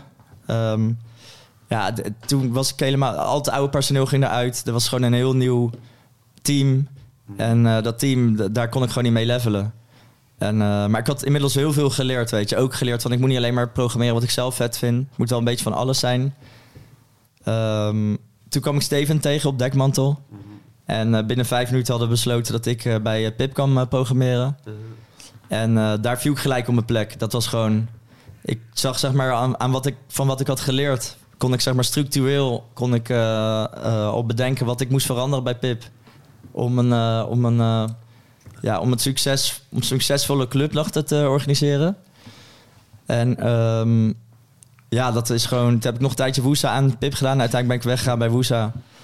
Eh, en bij Pip, ja, zit ik gewoon op mijn plek. En eh, dat voelde echt als een fam. En ik, wat het mooie was, ik kreeg daar mijn vrijheid. Zeg maar, doe jij het maar. En dat heb ik echt nodig. Want eh, ja, dan ga ik er gewoon voor zorgen dat het goed komt, weet je. Ja. En het is altijd een leerproces, want tijden veranderen. Ook nu weer, weet je. Nu moet je ook weer opnieuw... Ja, je moet gewoon een strategie bedenken van wat werkt nu. En soms moet je ook dingen proberen en dat werkt niet altijd, weet je. En soms, maar je moet het wel op, op tijd doorhebben van deze formule werkt niet. En we moeten het nu weer veranderen voordat, het, voordat we die naam hebben, zeg maar. Dus, ehm, maar ja, nee, het is, Pip is gewoon mijn ding nu, weet je. Ja. Ja, dat is, eh, dat is de, eh, van beide kanten denk ik de beste keuze die we, die we hebben kunnen maken qua programma. Ja. Gewoon, eh, en, en je kent heel veel mensen in de stad en ook daarbuiten. En, dus, en, en je krijgt bij ons We, hadden het er van de week nog over, dat echt insane. We hebben gewoon eh, de sleutel aan Gino gegeven. En eh, in het begin nog een beetje geprobeerd bij te sturen. Ja. Maar al heel snel erachter gekomen. Ja, dat kun je beter niet doen. Maar ik, ik was zelf ook op, op dat moment was ik... Dat had ik eerst nog niet. Ik was wel heel onderdanig, ook naar Floris toch nog toe. Maar ik merkte op een gegeven moment... mijn kracht is wel om gewoon af te dwingen dat ik het zelf moet doen, weet je.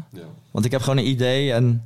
Ja, als ik het niet goed doe, dan ontsla je me maar. Maar ik ga er gewoon voor zorgen dat het gebeurt en dat het goed gaat. En ehm, zeker na de, na de pandemie, toen, eh, toen had ik echt veel tijd om erover na te denken van... oké, ik heb nu een paar jaar bij Pip gewerkt. Wat werkt, zeg maar, weet je? Wat, waar komen mensen voor naar Pip? Ja, en het was toen gewoon een totale vibe shift, toch? Het is toch echt Ja. niks meer hetzelfde als, voor- Nee. als voor die pandemie. Nee. Het, uh, naar, als je naar de, de geluiden, de muziek, Ja, klopt. hoe mensen eh, binnenkomen en gelijk dansen. Of, Ja, het is wel echt anders, toch? ja, Gewoon overal bedoel je? Ja, Ja, zeker. ja gewoon de, de, de Nieuwe generatie. nieuwe generatie. Ja, ja en, eh, er zijn gewoon heel veel studenten bijgekomen eh, in Den Haag.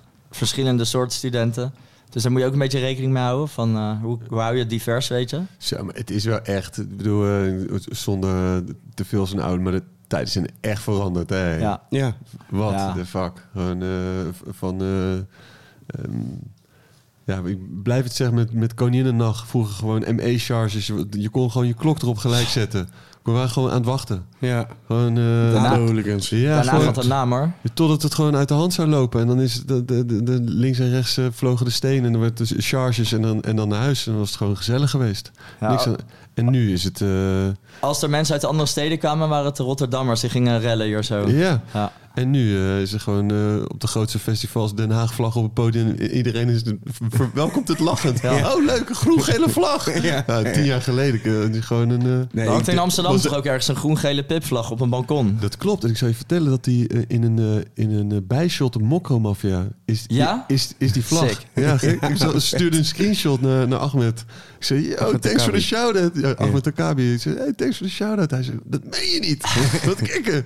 Iemand anders had het gefilmd. Ja, dus bij de eh, Fucking sick. derde Oosterparkstraat. eh En dat die ramen niet zijn ingegooid, dat, dat zegt ook iets, hè? ja, Ik durf nog steeds niet met mijn FC Den Haag shirt aan. Gewoon buiten Den Haag eigenlijk hoor. Nee, Het voelt toch eh, Voelt eng. toch gek. Ja, ja, ja, doet dat alleen maar, toch? Ik weet nog dat we toen eh, gingen, we- toen bestond eh, Red Light Radio nog, Rest in Peace. Hadden we Ja. daar een De- Den Haag Day. Toen had ik dat shirt aan. Toen hadden we allemaal een Den Haag shirt Ja, aan. Toen stuurde Elias Mazio mij een berichtje. hey, daar om de hoek Ja, zit is echt zo'n F-side kroeg. Ja, is je moet dit shirt uitdoen, man. Ja, als je daar naar niet buiten oké, loopt, ja. maken je echt dood. Ik heb één keer op een verjaardag in Den Haag, eh, toen had ik zeg maar illegale feesten, gaf ik toen in eh, Den Haag. Dat is echt lang geleden. Ja. En dat heette de Fooligans. Dit weet ik ook nog wel. ja. Hooligans, ja. Ja, Maar ook in het Elfje is dit geweest nog. In het toch? elfje, ja. Café het Elfje.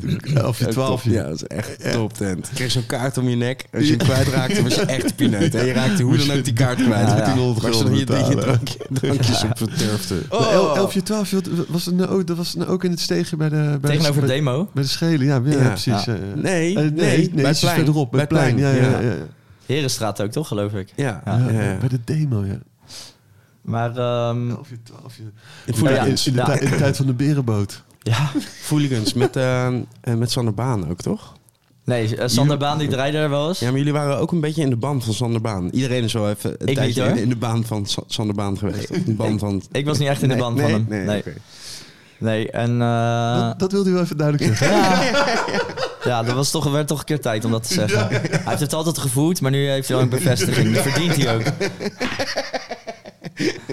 Anti-shout-out naar, naar Sander Baan. En hoe heet die vriend van hem ook weer? eh, Consider it dan? Ja, Ah, hetzelfde verhaal. Je mag het ook weten.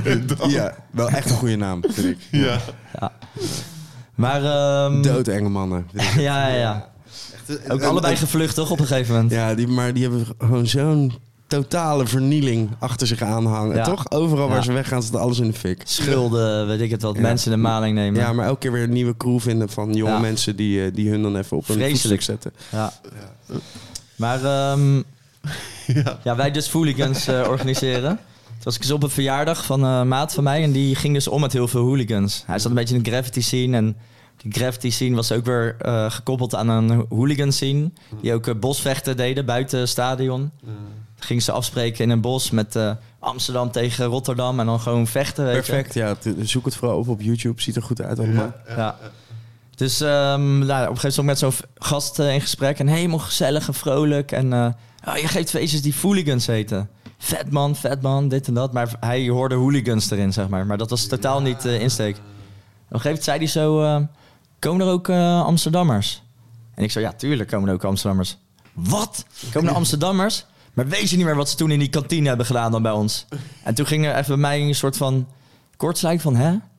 Ah, is een van die Alle jonge- Amsterdammers hebben iets in een kantine gedaan. Ja, een van die jonge gasten gestoken toen. Ja. eh, ja, ja. Maar die gozer, die, zijn ader sprong in zijn ogen en hij wilde me doodmaken. zeg maar, die vriend van mij, die moest ertussen komen. En die gozer, zeg maar, hij had zwart voor zijn ogen. Dat er Amsterdammers op mijn feesten kwamen. ja, ik werd echt bang. Ik dacht, dit, dit Maar- gaat maar helemaal dit, mis. Maar dit is precies wat ik bedoel. Dit is, dit is de tijd, die, dat kan je gewoon nu niet meer voorstellen, toch? Nee. Die, eh, eh, Van der Laan zei het al een hele tijd geleden, dat die Randstad is gewoon één stad geworden.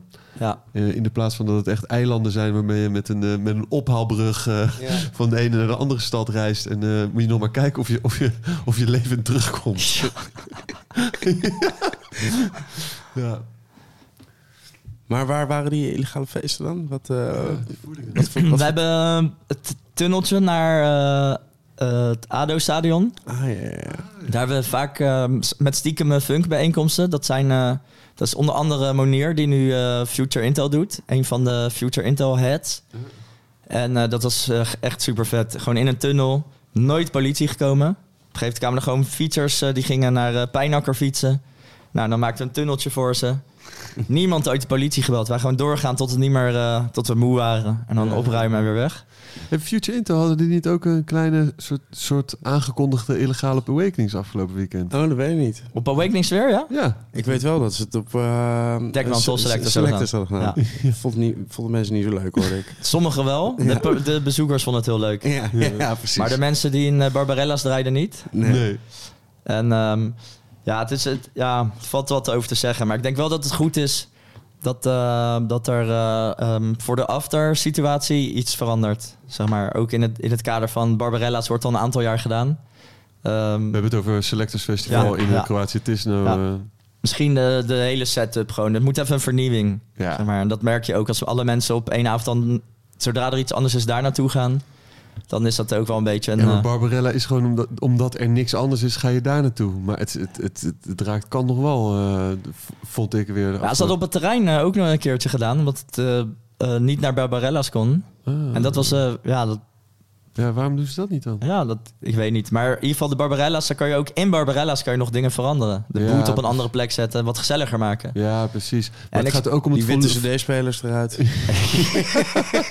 Maar die sound ik zie guy- die dingen nooit ergens anders. Alleen daar. Die soundguy was fantastisch. Ja? Maar de, de setup van de boot is gewoon een beetje ongezellig. Want je staat soort van in een Afge- langwerpige ruimte en jij ziet een achtste van het publiek. En de Ja, rest staat daar. Maar het, is ook, het, het, geluid is heel zacht, toch? En, en uiteindelijk is is- het gaat nu ook weer in de politiek over de gehoorschade en het, eh, en, en eh, het limiteren, of in ieder geval het aan ze band- daar vast aan doen? Ja. ja, ja, aan banden leggen van dB's. Ja.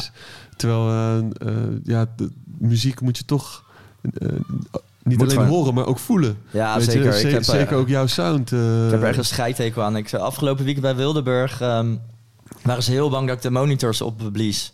Maar ik had zeg maar de hele dag al filters in. Dat doe ik eigenlijk nooit. Maar ik wil dat weer gaan doen. En dan gewoon de hele dag. En het ding is, dan moet gewoon... Die monitors moeten vol uit. Mm. Want dan, ja, je krijgt- je oordoppen in hebt. ja, en dan Ja. dat is de enige manier dat ze het nog kan voelen. Ja, ja. Ja, ik stond echt helemaal aan het rood en het vervormde helemaal. En ik keek af en toe naar links, naar de geluidsman. En die zat echt heel bang te kijken. Zo van, ah, die dingen gaan kapot en dan moet ik het betalen. Ja, het moet gewoon hard. Ja, zeg maar, ja, ja, het is be- belangrijk, weet je. ja. Ja, dat is toch ook gek dat je oordoppen indoet, maar dan moet het geluid nog weer harder. Ja, maar dus heb jij geen gehoorschade, maar dat iedereen om je heen wel. Ja, ja. ja, als je back-to-back staat, dan heb je gewoon een probleem, ja. ja. Eh, als de een wel en de ander Ja, niet. precies, ja. Eh, dan bij iedere plaat weer een gigantisch geluidsverschil. Ja, Maar goed, eh ehm, ehm, Fooligans. Wanneer was dat dan? Dat was voor Woeza dus nog. 2005, 2006. Ah, ja, ja. Ja, we hebben toen ehm, ook nog in een, eh, in een op, een grote opslag gedaan in Leidsendam. Dat was, eh, daar had ik de sleutel van. Dat was een opslag van mijn eh, ex-schoonouders. Ja. En ja, die opslag was groot. En we hadden daar gewoon, we hadden, gingen toen la- langs een aantal kraakpanden in Leiden en Den Haag. Daar konden we dan allemaal versterkers en boksen lenen. En die hielpen dan met opbouwen en zo. En als er dan wat kapot was tijdens de avond, dan schroefden ze hem open. En dan plakten ze er een muntje met wat zilverfolie ertussen. En dan deed hij het weer. ja, was eh, een hele gekke crew mee om te gaan. Want je bent vier dagen bezig om alles op te halen. Want elke keer kom je weer in een, in een ruimte waar iedereen heel laks is en zo. En heel veel willen praten voordat je die spullen mee mag nemen. En ehm, ja, uiteindelijk hadden we 1 januari of zo, hadden we daar een illegale. Het was min 10. Iedereen met winterjassen aan binnen, weet je. Het was echt koud.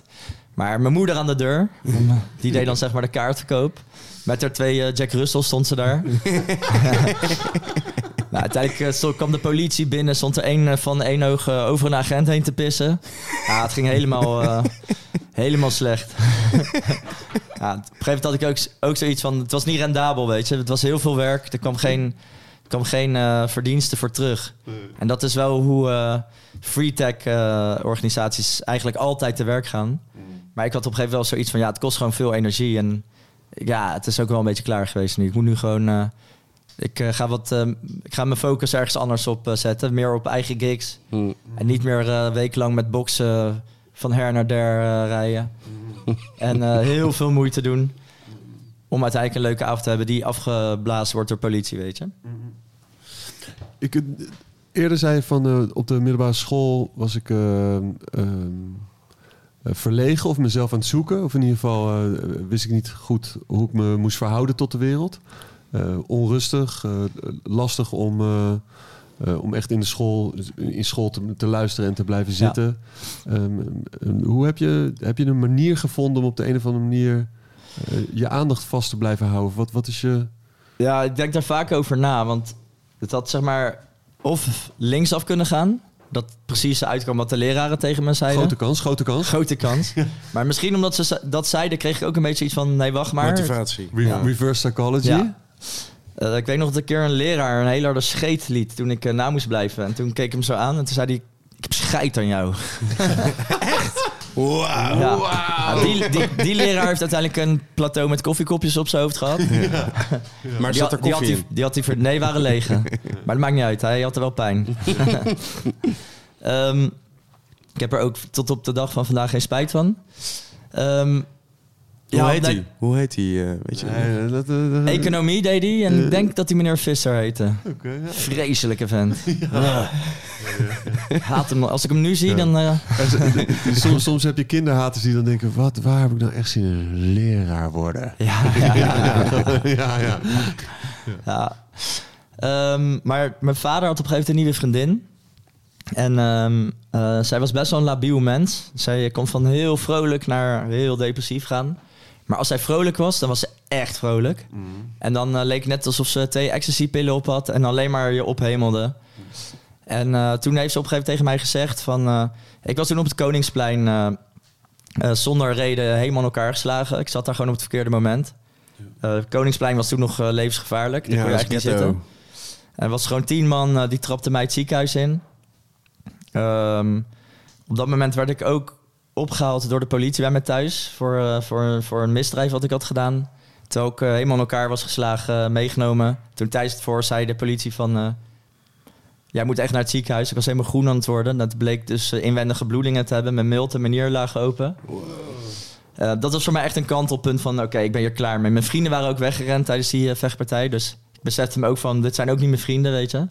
Toen heb ik al mijn hardcore verkocht. Daar heb ik wel spijt van. Al mijn platen, al mijn Aussies, allemaal de deur uitgedaan. Toen ben ik eh, nette kleren gaan kopen en gewoon mijn leven beteren. En zij heeft toen op een gegeven moment een, eh, een gesprek met mij gehouden.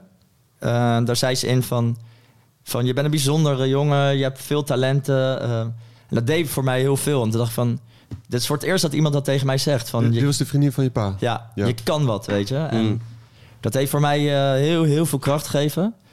En een paar weken later kwam ik erachter dat ze dat tegen iedereen datzelfde verhaal zei. maar, dat, maar dat was voor mij wel een realisatie van... het maakt niet uit wie het zegt. Maar wat, Ja. ki- wat Als het aankomt, Ja, dan, heb je, dan is het een Ah. wapen. ik heb daar kippenvel van, weet je dat? Eigenlijk is dat, eh, dat is zo'n mooie realisatie. Ja. Dat aan de ene kant is het eh, als iemand het vaker zegt en tegen verschillende mensen zou je, zou je dat op kunnen vatten als dat het Ja. niks waard is. Ja. Maar dat is dus niet zo. Het Nee. is wel wat waard. Ja. Zolang je dat maar eh, zelf absorbeert en, en dat op de een of andere manier eh, in stelling stelt. Echt, en, en zo werkt het gewoon. Eh, er kan van alles tegen je gezegd worden. En als de woorden aankomen, dan wordt het een Ja. onderdeel van je. Ja. En het maakt dan helemaal niet uit wie het heeft gezegd, weet je. Mensen Nee. kunnen in een opwelling... Of waarom? Het kan, het kan ook een soort zelfbevestiging. Of, eh, ja, wat te gek. Mensen kunnen zagrijnig zijn en dan zeggen ze iets kuts tegen je. Ja. Je kan niet zingen of zo, en terwijl je heel goed kan zingen. En dan denk jij, misschien, als, als je tegen degene opkijkt, dan komen die woorden aan. En dan denk je, Ja, eh, ik kan het niet. En dan blijkt in één keer op je zestigste dat je het wel kan. Zo, daar komen dan weer mensen achter. Ja. ja. Maar eh, nee, dat was, eh, wa- was voor mij echt... eh, ja, dat toen, on- toen, toen kwam ik helemaal tot bloei, zeg maar. Ja. En toen werd ik in één keer zeker van mezelf. En ik dacht in één keer, oh, ik kan wel meisjes eh, versieren, weet je. Dat, eh, ik bedoel, ik was er altijd bang voor. Ik durfde niet tegen ze te praten, weet je. Ehm, ja, ik kwam gewoon... ik werd gewoon zelfverzekerder. En vanuit daaruit is een hele lange groei. eh, ik groei nog steeds, weet je. Dat stopt nooit. Eh, Ik ben nog steeds eh, eh, dingen aan het verwerken van vroeger. Eh, ik heb heel lang podiumvrees gehad. Ja, als DJ natuurlijk is dat best wel... Niet handig. Niet handig. Ehm, het is echt eh, pas sinds recent dat ik dat durf los te laten. Zeg maar, dat ik minder bezig ben met wat mensen... eh, de ogen die op mij gericht zijn, zeg maar. Ja. eh, dat het niet boeiend is. Of dat het... Ja, ik sta, ik sta niet voor niks met een volle zaal, weet je. Mensen komen voor mij, dus Mm. Mhm. Dat, dat idee van ik ben hier niet welkom, dat had ik heel erg, zeg maar. En dat kwam gewoon eh, voort uit mijn jeugd. Ja. En uiteindelijk is dat... ja, eh, en door wat al die leraren zeiden. ja, ook. ja, ja, Ja. precies. Ja, het- doet heel veel met een kind, weet je. Dat zijn je bouwstenen voor de rest van je leven. Ja, en er staat, staat zo iemand ook niet bij stil op het moment dat hij dat tegen je zegt. Nee, maar niemand- dat zou wel moeten. Ik Niemand staat erbij zeggen, stil. Je, je hoopt Ja. wel dat een, zeker een docent, dat die... eh, Ja. Maar waren het alleen docenten of heb je ook... de- de- eh, want je zei thuis werd er ook niet echt over... Was er geen emotionele ruimte? Ja, nee, het is... Zeg maar, het glas was altijd half leeg. Zeg maar, mijn vader deed altijd een beetje lacherig over mijn ideeën. Maar dat bedoelde hij ook niet zo. Het was gewoon meer van... Ik zou het anders doen, weet je.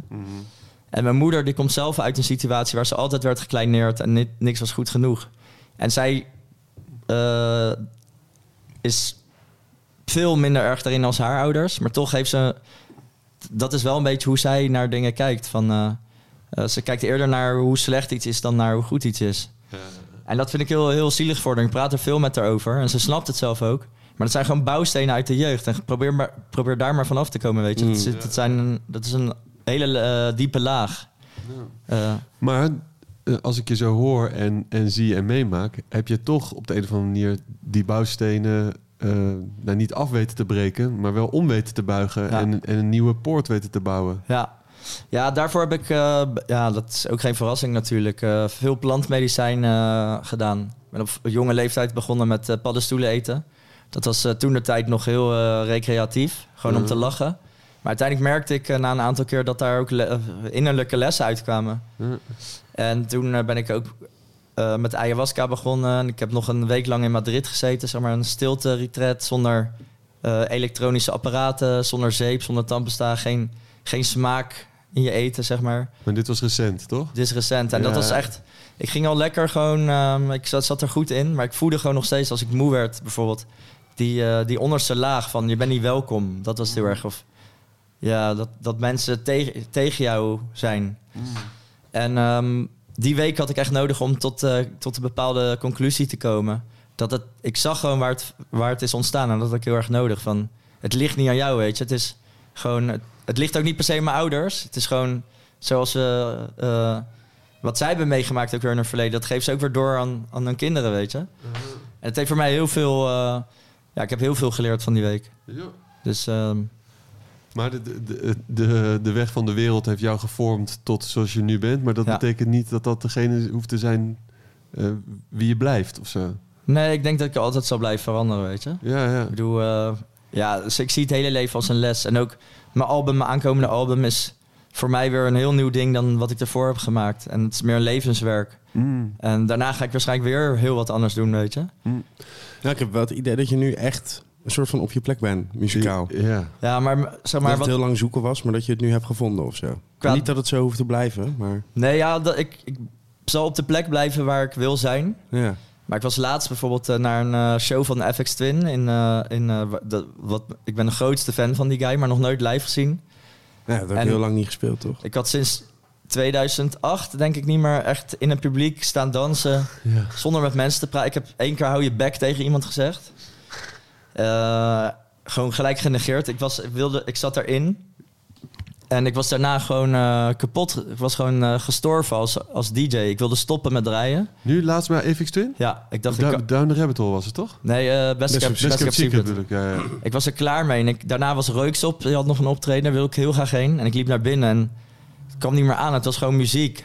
Gewoon, pla- even- gewoon plat, gewoon, eh, het- voelde plat. Super goede muziek, Ja, maar het ja. was gewoon in één keer muziek. Ja, zeg maar. En alles hoorde ik eh, als muziek. Terwijl FX Twin was een eh, spirituele ervaring voor me. Wauw. En het was ook, je, je merkte daar heel duidelijk, het is echt wat hij brengt. En de luisteraar heeft niks in te brengen. Terwijl heel, eigenlijk elke muzikant die speelt iets voor wat de luisteraar wil horen. Ja, Guy Tavares noemt dat dwingende argumenten. Ja, Ja. ja. daar heeft hij helemaal gelijk in. Ja. En daar zou, ik, ik moest echt even naar mijn tent terug en eh, gaan slapen. En de volgende dag werd ik wakker en toen dacht ik, oké, ik ben niet dood als DJ, maar dit is gewoon een reset. En sindsdien zit ik ook anders in, muzikaal. Zeg maar, ik eh, hecht veel meer waarde aan wat ik uiteindelijk wil creëren. En eh, je, je hebt het gevaar als DJ dat mensen op een gegeven moment dat trucje van jou gaan... eh, Ja, daar worden ze fan van. Ja, die ver- verwachtingspatroon. En eh, verwachten ze dat je het blijft doen. En dan word jij ook die DJ. Zelf ook. Ik was op een gegeven moment gewoon... Ik moet ja, dit doen. Maar effectbejag is, is, is zo oud als de mensheid. En dat is ook logisch. Ik, ik, ik laat deze blauwe bal zien. Oh, een blauwe bal. Ja. Doe ik het nog een keer. Nee, weer een blauwe bal. Ja. Dan komen de mensen om die blauwe bal te zien. Iedere keer ga je die blauwe bal laten zien. Maar het loopje wordt zo klein. En Ja, dat is ja. ook mainstream. En mensen... Het is compleet zichzelf aan het uitspelen. En mensen... eh, bijvoorbeeld eh, op Spotify, nummers eh, worden zo kort mogelijk gemaakt. Omdat de tracks dan meer hits hebben, zodat er meer geld wordt verdiend. Weet je? Het is allemaal money. Ja. En eh, ik besefte mezelf heel goed, ik ben daar niet in voor money, weet je. Ik ben daar iets, ik ben erin om iets te brengen. En ehm, ja, ik, wil- ik wil dat zelf bepalen, zeg maar. En als ik iets anders een keer wil doen, dan moet dat ook. Dan doe ik dat gewoon, Ja. zeg maar. En Dus je staat nu al niet meer achter het album dat nog uit moet komen. nee, maar dat album is eigenlijk precies wat dat eh, eh, vertegenwoordigt. Want Mm. dat is een levenswerk. En er zit, zeg maar, vier tracks die je misschien in een club kan draaien. Maar voor de rest is het echt... Dat was bij mijn album heel erg eh, het gevoel van... Ik maak gewoon wat ik wil maken. En het is, eh, het is veel meer... Veel meer ehm, the- ja, een soort van thema's hebben de tracks. Dus bijvoorbeeld er zit één track, die heb ik dan vernoemd naar Tinker Hatfield. Dat is de, eh, de, de designer van de Air Max. Mm. En de track hoeft niet per se grabber te zijn, want daar refereert het voor mij aan. Maar meer als je de als je Thunderdome inloopt, wat je in, hoort in een hal als je nog niet de zaal in bent. Dus gewoon de kicks. Ja. Ja, ja, ja. En dat gevoel wil ik dan, dat wil ik weergeven in een track. En dat is helemaal niet hoe ik draai nu of zo, weet je. Maar dat is gewoon, ik zie het meer als een kunstproject van, ja. ja. ja, een op zichzelf staand, een op zichzelf staand ding. ja, Ja, precies. ja.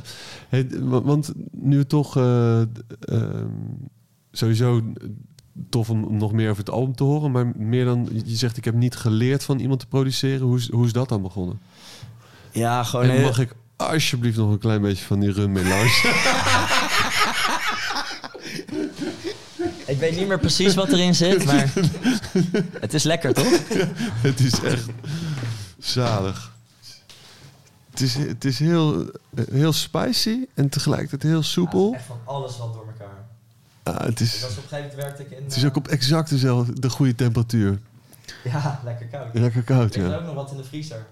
Ook van die flessen. Ja, Meen je? ja, die is- Maar, maar ja, dit, dit is gewoon echt een... Ik zie er daar ook nog geen erbovenop staan. ja, precies. Ja, dat is genoeg. Er is genoeg. Maar haal je dan twaalf flessen, die, die meng je dan? Of dit is gewoon... Ik hou gewoon een fles en dan nog een fles. En, En dat zijn het gewoon uiteindelijk- restjes. ja. Ah, het is, is toch ook een... Zelfs de, zelfs de whisky is hier... Of de rum is hier een spiritual journey. Ja, ja, precies. ja, ik, ik ben nooit op het idee gekomen, omdat ik eh, in een restaurant werkte. Waar ze eh, een blend whisky verkochten. En dat was dan geheim welke whiskies erin zaten. Maar er waren acht verschillende whiskysoorten. Toen dacht ik, ja, Ik heb hier nog...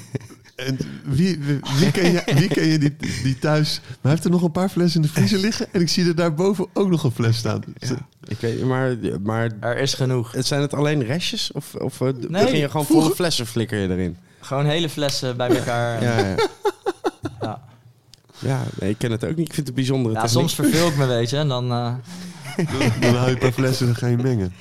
De laatste keer dat ik een fles ging halen, toen zag Jeffrey Huff dus eh, voor de deur bij de, commerce, of, eh, bij de eh, Jumbo zitten. Ja. Heeft hij nou, is hij, Hij heeft zo'n wagentje. ja, mist hij nou tenen of een hele voet? Nee, dus, hij- het begon met een teen en toen was het uiteindelijk zijn hele onderbeen. Ja, ja dat is Jeffrey. Jeffrey, Jeffrey Huff is een lokale schorre...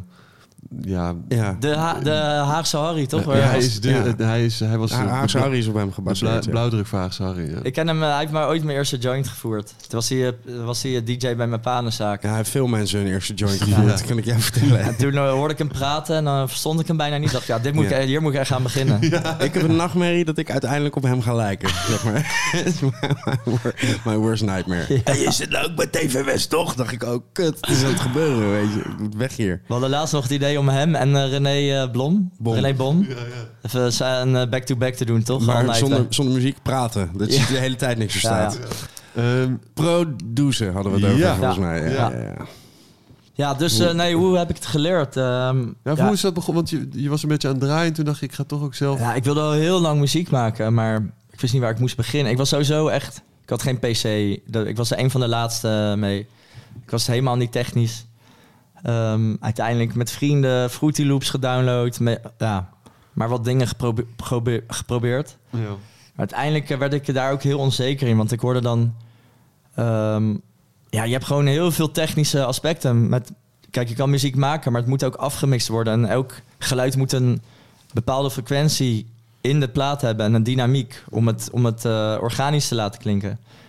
En ehm, ja, in die tijd was EDM heel erg opkomend en daar werd alles helemaal omhoog gecompressed. Dus alles is gewoon luid en hard.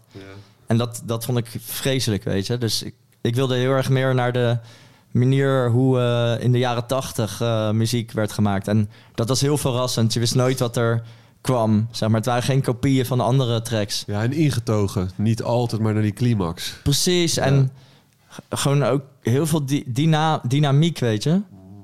De Doors bijvoorbeeld, die, eh, die deden gewoon alle drum, drumpartijen aan de linkerkant. En dan eh, eh, weer een ander. Dus het had heel veel eh, dimensie. Dus daar, daar werd ik heel erg door geïnspireerd. Maar ja, hoe nou een compre... Als je met een sound engineer gaat zitten, die weet precies... oh, bij min 3B moet je 50 hertz wat omhoog doen. En zeg maar, die hebben gewoon een soort van rekensom. Maar ik Je kan, doet zo, het gewoon op het gevoel, toch? ik kan sowieso geen noten lezen. House noten wel. House noten kan ik lezen, ja. Dat is de beste. Ja. Met jou nog ooit een keer een heel goed gesprek gehad eh, Ja. toen we daarmee bezig waren. ja, wat uiteindelijk ook wel een soort van verandering eh, teweeg heeft gebracht, volgens mij. Dat gesprek? Ja, dat, Ja. dat, dat gevoel heb ik in Ik ieder heb geval. daarna nooit meer zo'n gesprek gehad. Nee, maar het ging over dat jij het gevoel had dat je geen relatie zou kunnen onderhouden. En je bent Ja. sinds dat moment een relatie aan het onderhouden. En dit is echt jaren geleden. Ja, ik had nog nooit eh, de juiste persoon eh, tegengekomen. Nee, maar daar hadden we het toen over. Maar dat is ook een, nu, nu een beetje het probleem van de maatschappij. Eh, Je wordt soort van gedwongen van... het gaat om seks, het gaat om porno. je moet een, een mooie persoon aan de haak slaan. Maakt niet uit hoe diegene... Ja. ja. of het matcht of niet. En dan, zo ging ik altijd te werk. En die relaties duurden gewoon kort. En ik was er dan al halverwege klaar mee, weet je. Ja. Eh, tot ik Fleury eh, tegenkwam. En eh, ja, dat voelde heel anders. En dat is nu nog steeds oké. Ja. Natuurlijk, elke relatie heeft zijn struggles, weet je. Maar tot op de dag van vandaag, eh, ik haat daar niet of zo, weet je. Ik, ik, Maar, had- en, en gelukkig maar. Een relatie zonder struggles, eh, d- dat, is, dat, is een, ik wist niet dat het bestond. dat is een lege koelkast met, eh met twaalf hongerige kinderen, Ja. weet je? Ja, je moet elkaar aanscherpen af en toe. Ja, en zij is voor mij een goede stok achter de deur eh, om, eh, om, ja, om eh, wat eh, gezonder met mezelf om te gaan. En ik ja, weet ik- nog dat ik toen bij jou thuis kwam dat er geurstokjes ergens stonden. Dat vond ik was een eye-opener. Ja, ja. Ik zei, Gino, staan hier geurstokjes? Ja, Ja. maar ja, Fleury is een, eh, is een brandende zon. eh, Ja. eh, We matchen gewoon. Ze is een stukje jonger, maar we- dat, dat, dat is niks merkbaar. eh. ze laat me gewoon, dat is heel belangrijk. Je moet mij laten gaan, weet je. Je moet niet op mijn huid zitten. ja. Ehm, dan heb ik het gevoel dat, eh, dat ik eh, in de gaten gehouden word. En dan ga ik, eh, ga ik me misdragen, weet je. En zij, eh, zij laat me gewoon lekker gaan. En eh, af en Ik toe... laat ook alles bij je gaan, behalve dat voetje. ja, ik ben weer bezig, Ja, hè? ja, ja. Ja, sorry. ja, het is het weekend nog, hè? Ja, het is gewoon nog steeds lekker. The rhythm of the night. The rhythm of the night. de Reebok or de Nike. de Reebok or the Nike. Ja, die is zo Spaanse... goed. Ja, die is zo goed. Ja, Nike dan toch hoor. Ehm, Oké, we gingen terug naar het eh, produceren. ja, Ja. het maken van muziek. Uh, Fruity Loops gedownload en, en toen kwam Cubase. Daarna Cubase, ook illegaal gedownload. Ehm, ja, je bent nog echt bezig met, zeg maar, eh, alle, ja, alle benamingen van eh, eh, bepa- ja, alle termen, zeg maar. Ik wist niet wat het was. Het is gewoon gaandeweg proberen, proberen, proberen. Maar kutten, gewoon echt gewoon eh, uitproberen kutten, kutten, Gewoon kutten. kloten, gewoon ja, kloten. kloten, ja, ja. Ehm, maar al vrij snel merkte ik dat, dat wat ik heel belangrijk vond, was dat iets organisch klonk. Dus eh, niet, niet de robot. Het moest veel ruimte hebben. En ik herinner me nog dat ik ooit een keer wat aan jou liet horen. En dat je zei, het, is echt, het geluid is all over the place. Er zitten 40 sporen. Je hoort overal wat. En dat vond ik toen heel belangrijk. Ehm, en ik, ja, dan ging, ik ging gewoon veel naar clubs. En dan luisterde ik ook van, wat gebeurt er, weet je? Hoe, hoe, waar voel ik de bas? Waar...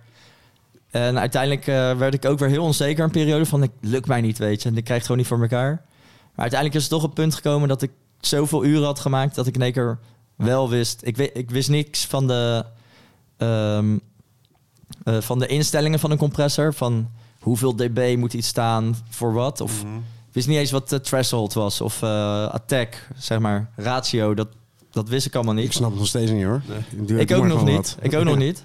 Maar ik weet wel welke knopjes ik moet draaien om een bepaald geluid te krijgen. En volgens mij is dat, eh, eh, is, is dat een way of working vinden, toch? Ja. Dat je, dat, want iedereen heeft zijn eigen manier van werken. En de Ja. een wil echt precies weten hoe, de- hoe het zeg maar, van binnen werkt. En dan, maar uiteindelijk Ja, moet, je, moet je het geluid kunnen creëren wat je wil. ja. En eh, ja, dit is gewoon op een gegeven moment dat ik gewoon eh, van ja, dit, dit is hem, weet je. Dit is... eh, Maar was dat, was dat in je studio in de kelder daar aan de, aan de trekvliet?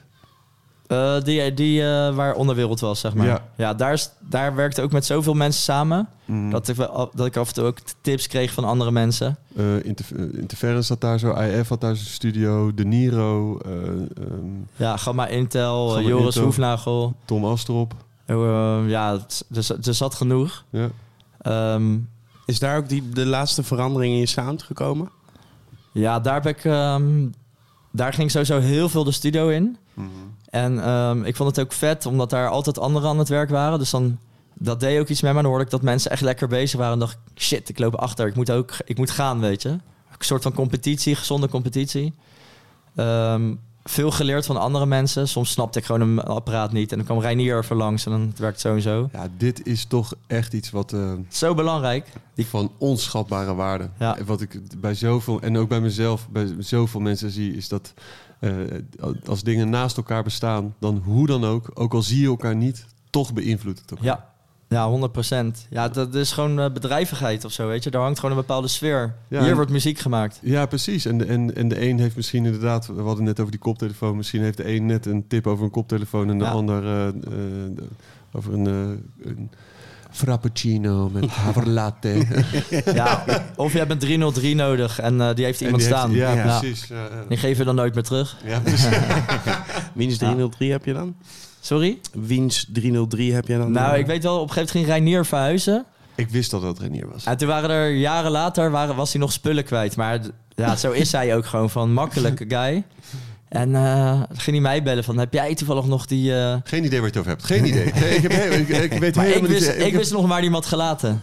Ik zei, volgens mij ligt hij nog in de achterbak van Arend. En daar lag hij ook. Shout-out naar, naar Renier. Ja, ja, dat is Ja. echt een hele gezellige dude om eh, in de studio te hebben. En ik vond het altijd interessant, want hij had heel veel vintage, eh, echt, echt vette spullen. Hmm. En al, ik ben zeg maar meer van, eh, ik pak een apparaat, zet hem op mijn schoot, sluit hem aan, ga jammen, neem alles op, knip het later in het programma. Reinier had alles via Patchbase aangesloten, zeg maar alles. Hoefde op, maar op één plek te zitten en een knop te drukken en dan deed die synth het. En dat hij allemaal aanstaan en dat liet hij ook aanstaan. Dus als je gewoon s'nachts zijn studio inliep, hij liet altijd de deur open ook. Dan stond alles nog te knipperen en aan. Zodat hij een week later weer met hetzelfde project verder kon, zeg maar. Dus ehm, Een gigantische energierekening, deze man. Maar eh, ja, die hoefden, die hoefden wij niet te betalen, gelukkig. was toen ook nog niet zo gek, volgens mij, die eh, energieprijzen. Nee, nee, nee. Nee. Maar ja, het is ook zo'n voorbeeld van iemand die, eh, die echt al t- misschien wel 10 of 15 jaar eh, eh, in, een, eh, in een keldertje heeft gezeten. Ja, in, de Voordat- in de luwte, echt. Voordat er pas wat eh, Ja. kwam. Dus het, het, gaat, het gaat ook om, om eh, uren maken, toch? Ja. ja, dat is mijn, mijn grootste moeite geweest om eh, echt mezelf helemaal op te offeren. Gelukkig kan ik veel dingen tegelijk doen. Zeg maar, ehm, eh, maar het was misschien sneller gaan als ik echt mijn sociale contacten had verbroken. En dat doen, dat doen heel veel producers. Die, die zijn niet meer sociaal, zeg maar. Die, eh, die zitten gewoon de hele dag daarmee, zijn ze daarmee bezig. Ja. Maar ik hou ook heel, juist heel veel ehm, inspiratie uit niet-muziekdingen. Dus gewoon buiten, als ik in mijn eentje in de natuur loop, dan, dan, ja, dan leer ik dingen, zeg maar. Of dan Mm. krijg ik ideeën. Ik, ik zit eerder vast als ik heel lang in een, eh, in een ruimte ga zitten en ga produceren. Op een gegeven moment dan zit ik hetzelfde loopje te maken, zeg maar. Wat was eigenlijk je eerste release? Wat, wat, wat, wat is het eerste wat je echt hebt uitgebracht? Nou, ik, daar, heb ik helemaal, eh, daar ben ik helemaal niet tevreden mee. Maar ik zat toen echt nog in, het, eh, in de mindset van... ik wil gewoon uitbrengen. Zeg maar, ik wil DJ worden, ik wil uitbrengen, ik wil, eh, ik wil aan de bak. Dus ik had eh, dingen gemaakt. Ik heet, mijn artiestennaam was toen nog Gisberto, dat is mijn tweede naam. Oh ja, Een genio. Een genio, Mijn- Gisberto. Mijn, genio. mijn, mijn eerste DJ-naam was eh Genology. toen draaide ik nog hardcore. Genology. Ja. Me- bijna, bijna een soort Wu-Tang naam of zo. Toch Genology. Ja, of Shermanology. Ja, ja, ja. Ja, ook lekker. Die is heel lekker. Heel lekker zijn die. Ehm, toen werd het Gino Gisberto, toen werd het Gisberto. Maar ik, Eug. ik, ik stond er nooit echt achter of zo. Het was gewoon, ik kon, ik kon niet echt op een naam komen. Ehm, maar het was ook, ik was zo gewoon nog niet klaar, zeg maar, om me echt... Ik was nog niet de artiest die ik uiteindelijk wilde worden. Ehm, toen heb ik wel releases gedaan bij... ehm, hoe heet dat label nou ook weer? Manual, denk ik. Geen idee meer. Maar ehm, ja, gewoon, het klinkt nog plat, zeg maar. Het heeft wel potentie, maar ik was er niet trots op. En ik heb zo'n paar releases gedaan. Ik had toen nog amateurlabel met, eh, Oh ja. met mijn maten. Ehm, daar hebben we ook nog een release, ook eerste vinyl release gedaan. Eh, daar, als ik daar nu naar terugluister, dan eh, herken ik, dan ben ik wel trots, maar nog niet op het geluid, zeg maar. Ehm, maar op een gegeven moment was er een punt dat ik dacht van, ja, het is klaar. Ik, moet, ik besef toen echt van, ik wil hier echt mijn beroep, beroep van gaan maken. En ik wil echt seri- serious. Zeg maar, niet iets verzinnen wat weer twee jaar duurt. Dit moet gewoon lange adem hebben, zeg maar. Duurzaam. En toen dacht ik van, eh, ja, ik ga een nieuwe naam bedenken. En toen dacht ik Gino, mijn roepnaam. Toen kwam er gelijk binnen twee seconden jeans. En toen, sorry voor het tikken met mijn voeten. toen, ehm, maar die viel gelijk op zijn plek. En toen dacht ik ook van, ja, jeans, eh, klopt of zo. is- Spijkerbroek is lekker ordinair. Het is iedereen, zo goed. Het iedereen is- kent het. ja, ja. En eh, ja, de, alleen die naamsverandering heeft voor mij al zoveel energie eh, gegeven om, om door te pakken, zeg maar. Maar toen de tijd draaide ik in één keer heel veel disco en eh, gezellig, veel op het strand. Ehm, vond ik een leuke periode, maar uiteindelijk ben ik weer terug naar mijn roots gaan, Hm. naar het snellere werk. Eh, niet, niet zozeer schreeuwerig, want eerst was, toen ik nog schrans draaide was het echt herrie. Echt, je- je was gewoon kapot na twee uur draaien. Maar wel snel en het heeft wel een beetje techno-invloeden. Mhm. Ik kwam wel eens op free tech feesten en eh, ik vond de muziek heel vet, maar de sfeer was walgelijk. En sowieso, eh, de organisatoren zijn meestal wel krakers die een beetje schoppen tegen de maatschappij aan. Eh, ik, ja, ik ben het daar niet altijd mee eens, weet je. Ik werk gewoon graag en Mhm. dat heeft voor mij heel veel gebracht. Ehm, ik maar ja, vind, er zit ook wel een stukje eh, geen regels in of zo. Wat Ja. je dan wel weer interessant vindt natuurlijk. Ja, dat, is, dat was het. Maar ik vond het dan wel raar dat eh, als je dan op zijn feest aankwam... dat er dan een hond rondliep en eh, vijf gasten en dat was dan de party, weet je. Ja, En niemand was vrolijk, zeg maar. Maar ik vind het heel vet dat ik nu... Ik heb heel lang techno verzameld, maar ik heb het nooit durven draaien. Tot ik op een gegeven moment met Specky en eh, Woody in aanraking kwam. En met Specky had ik heel erg... eh, we kwamen allemaal een beetje uit dezelfde scene. Schabber, de drum en bass. Ehm, en toen hebben we op een gegeven moment besloten... toen we een keer op de kreeft draaiden... van laten we met een gabbertrack eindigen, weet je. Die we allebei vet vinden.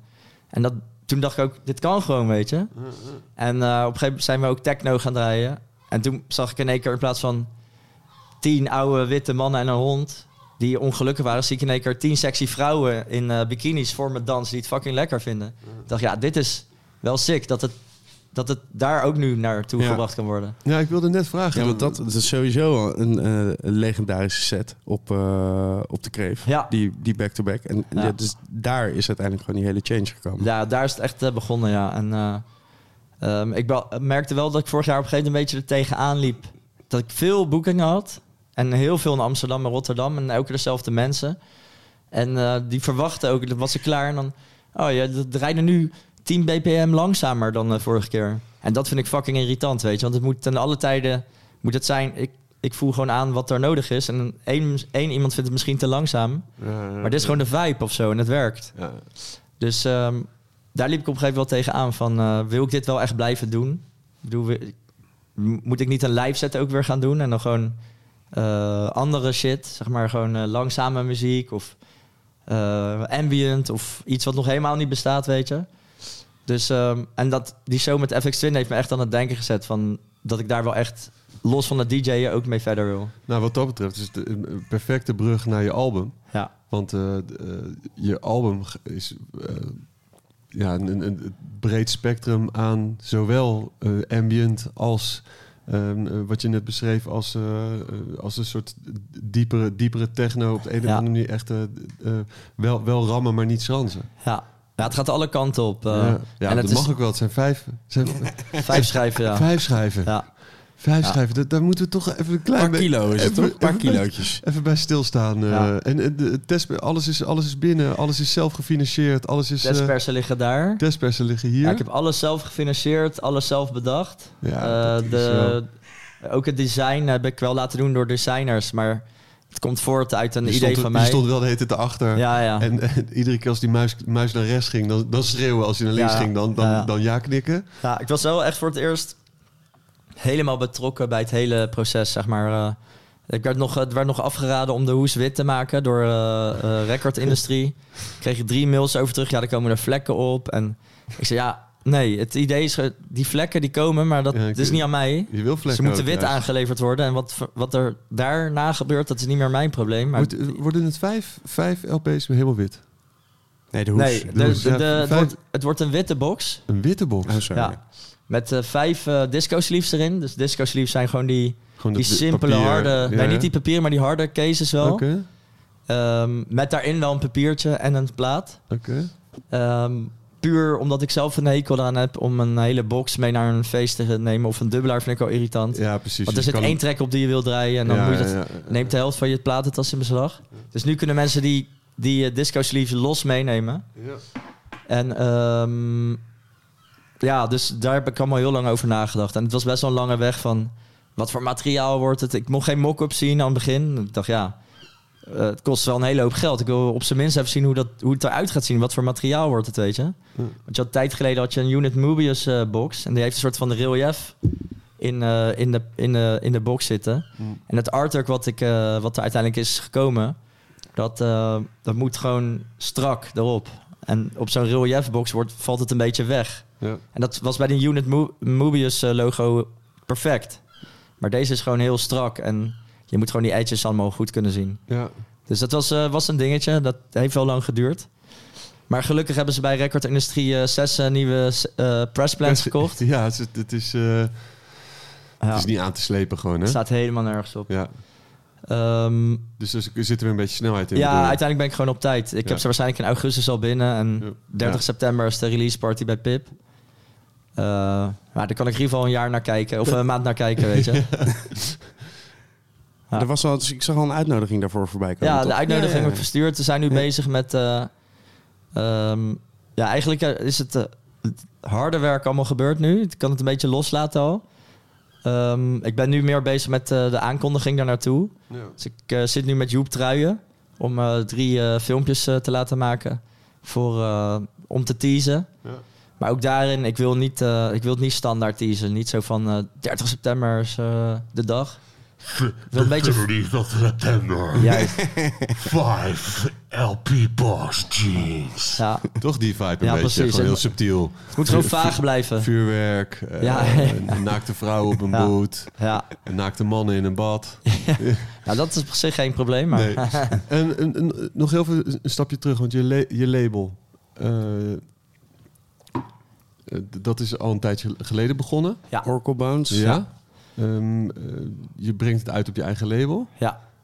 Nog meer self- self-control op de Ja. een of andere manier. Is, is dat, heb je daar- nog over getwijfeld? Nee, dat was eh, iets waar ik heel erg naar op zoek was. Want ehm, ik merkte vaak dat ik muziek stuurde naar, eh, of demo's stuurde naar eh, labels. En dat ze dan zeiden, ja, vet, maar ja, verkoop niet. Of is niet, eh, je kan beter vier dance tracks maken en dat, dat verkoopt snel. Ik dacht, ja, het gaat weer allemaal om money, weet je. En voor mij is het meer ex- expressie. Ik wil gewoon iets eruit hebben. En ik wil ook dat het tijdloos is. Niet dat het nu een hype is en volgend jaar niemand er meer naar luistert. Mijn, mijn, mijn muziek die ik maak moet over twintig jaar ook nog steeds luisterbaar zijn. Luisterbaar zijn. Eh, dat, dat is in ieder geval de intentie daarvan, zeg maar, weet je. En ehm, toen dacht ik, ja, ik moet gewoon een eigen label beginnen. En dan eh, bepaal ik gewoon zelf wat ik uitbreng. kan ik gewoon doen wat ik wil. Ik kan een scheet opnemen en dat is gewoon een track. Ja, boeien. Dat, als ik dat wil, kan ik het doen. Zou je hem in principe meester Visser kunnen noemen, toch? Ja. ik, heb schei- it, bitch. ik, heb schei- ik heb scheid aan jou. Gewoon, die gewoon alleen maar die kicken. dan. Ik heb scheid. ja. Scheid aan jou. Hard. Maar Dus- Or- Oracle Bones, waar komt die naam eh, vandaan? Nou, ik heb zelf een eh, diepe fascinatie voor eh, de I Ching. Uh, Ah. I Ching is een ja, 20.000 jaar oud eh, ehm, Chinese wijsheid. Of een theorie over de, de chaos-theorie. Dus dat niks, eh, niks op aarde random is. Dus we gaan... Eigenlijk is het hele pad al, eh, is al duidelijk. Ehm 1 plus 1 is 2, zeg maar. Ja. Eh, als mens eh, denken we dat alles random of chaos is. Of dat je, ja, als je voor links kiest, dat dat, het, eh, dat dat eigen keuze was. Maar uiteindelijk was dat al voorbestemd om links te kiezen. Dat hoort gewoon bij jou. Ja, de or- orde in de chaos. Ja. En ehm, ja, ik vond het super interessant. Ik kreeg ooit van Kenny een boek. Kenny, Kenny Two Times. Kenny Two Times. Kenny Albatros. Ehm, Shout-out naar Kenny. en ik vond het super interessant. En zeg maar in de... Steven de Peven zit hier ook in, toch? In de I Ching. Ja, Ja. Au- Aukje Dekker zit je in, Steven de Peven Ja. zit je in. Ja. Er zijn, eh, zijn veel, eh, veel hoogvliegers die... eh, Nee, maar het, het gaat er uiteindelijk over dat er een, eh, een Chinees... die ging ooit naar een berg verhuizen in zijn eentje. Hij was gewoon klaar met de bewoonde wereld. Hij wilde gewoon alleen zijn. En hij ging mediteren. En tijdens mediteren zette hij een omgekeerd schildpaddenschild. Daar kookte hij dan zijn rijst in. Maar hij ging zo lang mediteren... en dan was hij helemaal weg van de aarde, zeg maar. Dan kwam hij terug. En dan was al het water eruit gekookt... en dan was het schildpaddenschild gebroken. Maar ja, na drie jaar, na duizenden keren dat doen... merkte hij van... Hey, als mijn gedachte over ja ging, of iets positiefs, dan brak het schild zo. En als het over iets anders ging, dan brak het zo. Dus toen concludeerde hij dat je uiteindelijk aan je omgeving kan zien dat er bepaalde gebeurtenissen op dat moment. Eh, het gebeurt niet alleen maar op één plek. De omgeving, daar is het ook wel duidelijk in, zeg maar. En die schildpadden eh, schilden, daar schreef hij dan de toekomst op. Op een gegeven moment kwam het dorp, kwam dan bij hem vragen: krijgen we strenge winter? Dan kunnen we. Dan zei hij: ja, wordt een strenge winter. Zeg maar, hij kon dat zien. En ehm, die, om, omdat dus de buitenwereld invloed had op, op datgene wat daarvoor ontvankelijk was? Of ja, ja, in principe, als je echt ervoor open staat, dan kan je, kan je al voelen van dit Ja, wordt een slechte ja, dag. Ja, of precies. En ehm, ja, ik vind dat super interessant. En eh, ehm, ja, die hexagrammen, die bestaan allemaal... Er zijn 64 hexagrammen. Die bestaan uit eh, verschillende lijntjes. En je hebt een onderbroken streep en een doorbroken streep. En dan elk hexagram heeft zes strepen. En een doorbroken... Dit, dit is ook wat je op je Op je vingers, hebt. vingers, ja. Ja, ja, het zijn er pas acht. Ik moet er nog eh, 48 eh, andere doen om ze allemaal te hebben. Op je tenen. Ja, dat was inderdaad de volgende. En dan Ja. kijken of we het halen. Ja. Maar ehm, Je duimen kan nog, toch? nee, Nee. duimringen komen weer terug. maar... mm, dus, eh, en die schildpaddenschilden, daar schreef hij dan snel op wat hij had bedacht. En uiteindelijk die 64 hexagrammen, die gaan om 64 basisenergieën waar alles uit voortkomt. Dus eigenlijk de, de chaos is heel complex en wordt steeds complexer, want er is steeds meer mogelijkheid. Maar alles komt uiteindelijk uit de basis ja en nee, man en vrouw, yin en yang. En ehm, ja, je hebt nog in die 64 hexagrammen nog andere basisenergieën. En dat zijn gewoon de basisenergieën waar alles uit voortkomt, zeg maar. en dat schreef hij op op sch schildpaddenschilden. En dat noemden ze Oracle Bones uiteindelijk. De, Toen het eh, naar het Westers vertaald werd. En daarom heet mijn label Oracle Bones. En het plan is ook 64 releases voor elke hexagram 1. En de 1 eh, was dan de nummer 1 van de hexagram is de creative, de mannelijke energie. De gever, eh, zonder dat was er geen creatie. De tweede is dan de vrouwelijke energie. En dat is de ontvanger. En dat staat voor nee.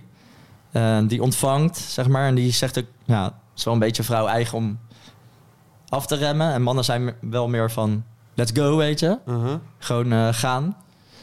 En ook, maar het komt ook terug in stroom, zeg maar. Eh, Zonder eentje en nullen heb je geen stroom. De- zeg maar, het komt overal terug.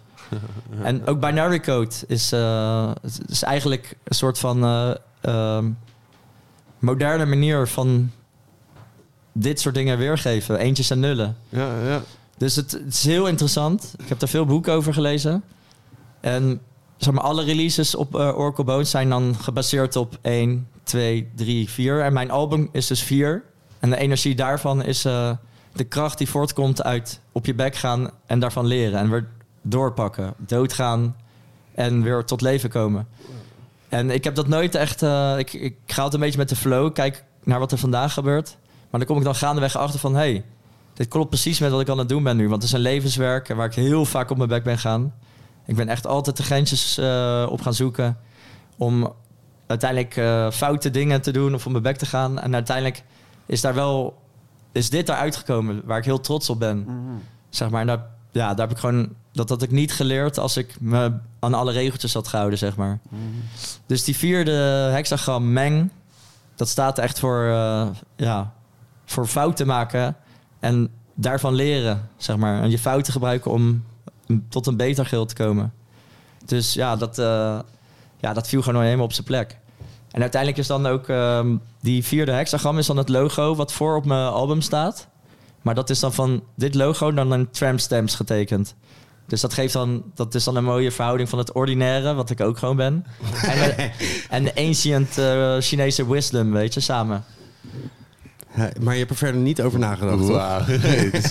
Wauw. het, ko- het komt Gino. een beetje, het, komt het komt een beetje. vet. Ja, en dat is gewoon intuïtie volgen. En dan, eh, ik weet niet, ook de, het, eerste, de, het eerste album wat ik daarop release, dat waren zes tracks, mini-album.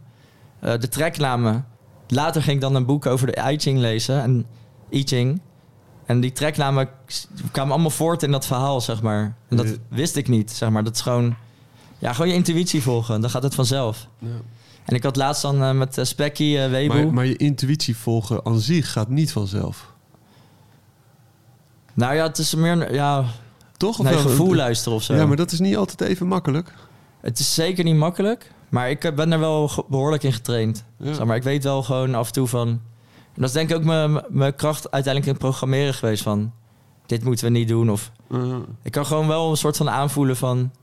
Ja, dit is maar het gaat niet werken of zo, weet je. uh, Of dit gaat wel werken. Maar het is niet makkelijk. Ik bedoel... ehm, ja, je hebt ook als mens hoop je op dingen, zeg maar. ja, je hoopt en je, en je gevoel kan je ook voor de gek houden. Ja, Je kunt jezelf voor de gek houden. Andere mensen kunnen je voor de gek houden. Hm. Wat dat betreft is het een, eh, ja. eh, is het een ruimte gevuld met roken met één klein lichtpuntje die dat, dat soms wegvalt. Maar je kan het trainen, zeg maar. Eh, Hoe kan je het trainen? Straaljagerpiloten zijn er heel goed in. De, de, de parten in je brain heet de DLPFC. Dat is een afkorting voor iets wat ik eh, even niet uit kan spreken nu. Mhm. Ehm, maar dat hebben bijvoorbeeld de freestylers die daar heel goed in zijn, hebben dat. Dus die kunnen ter plekke iets freestylen. Ik denk dat jij het ook eh, volledig onder controle hebt. Want jij bent ook het beste om am- eh, op het moment dingen te zeggen die, die kloppen, zeg maar. Mhm. Het klinkt als bullshit, maar het klopt wel uiteindelijk.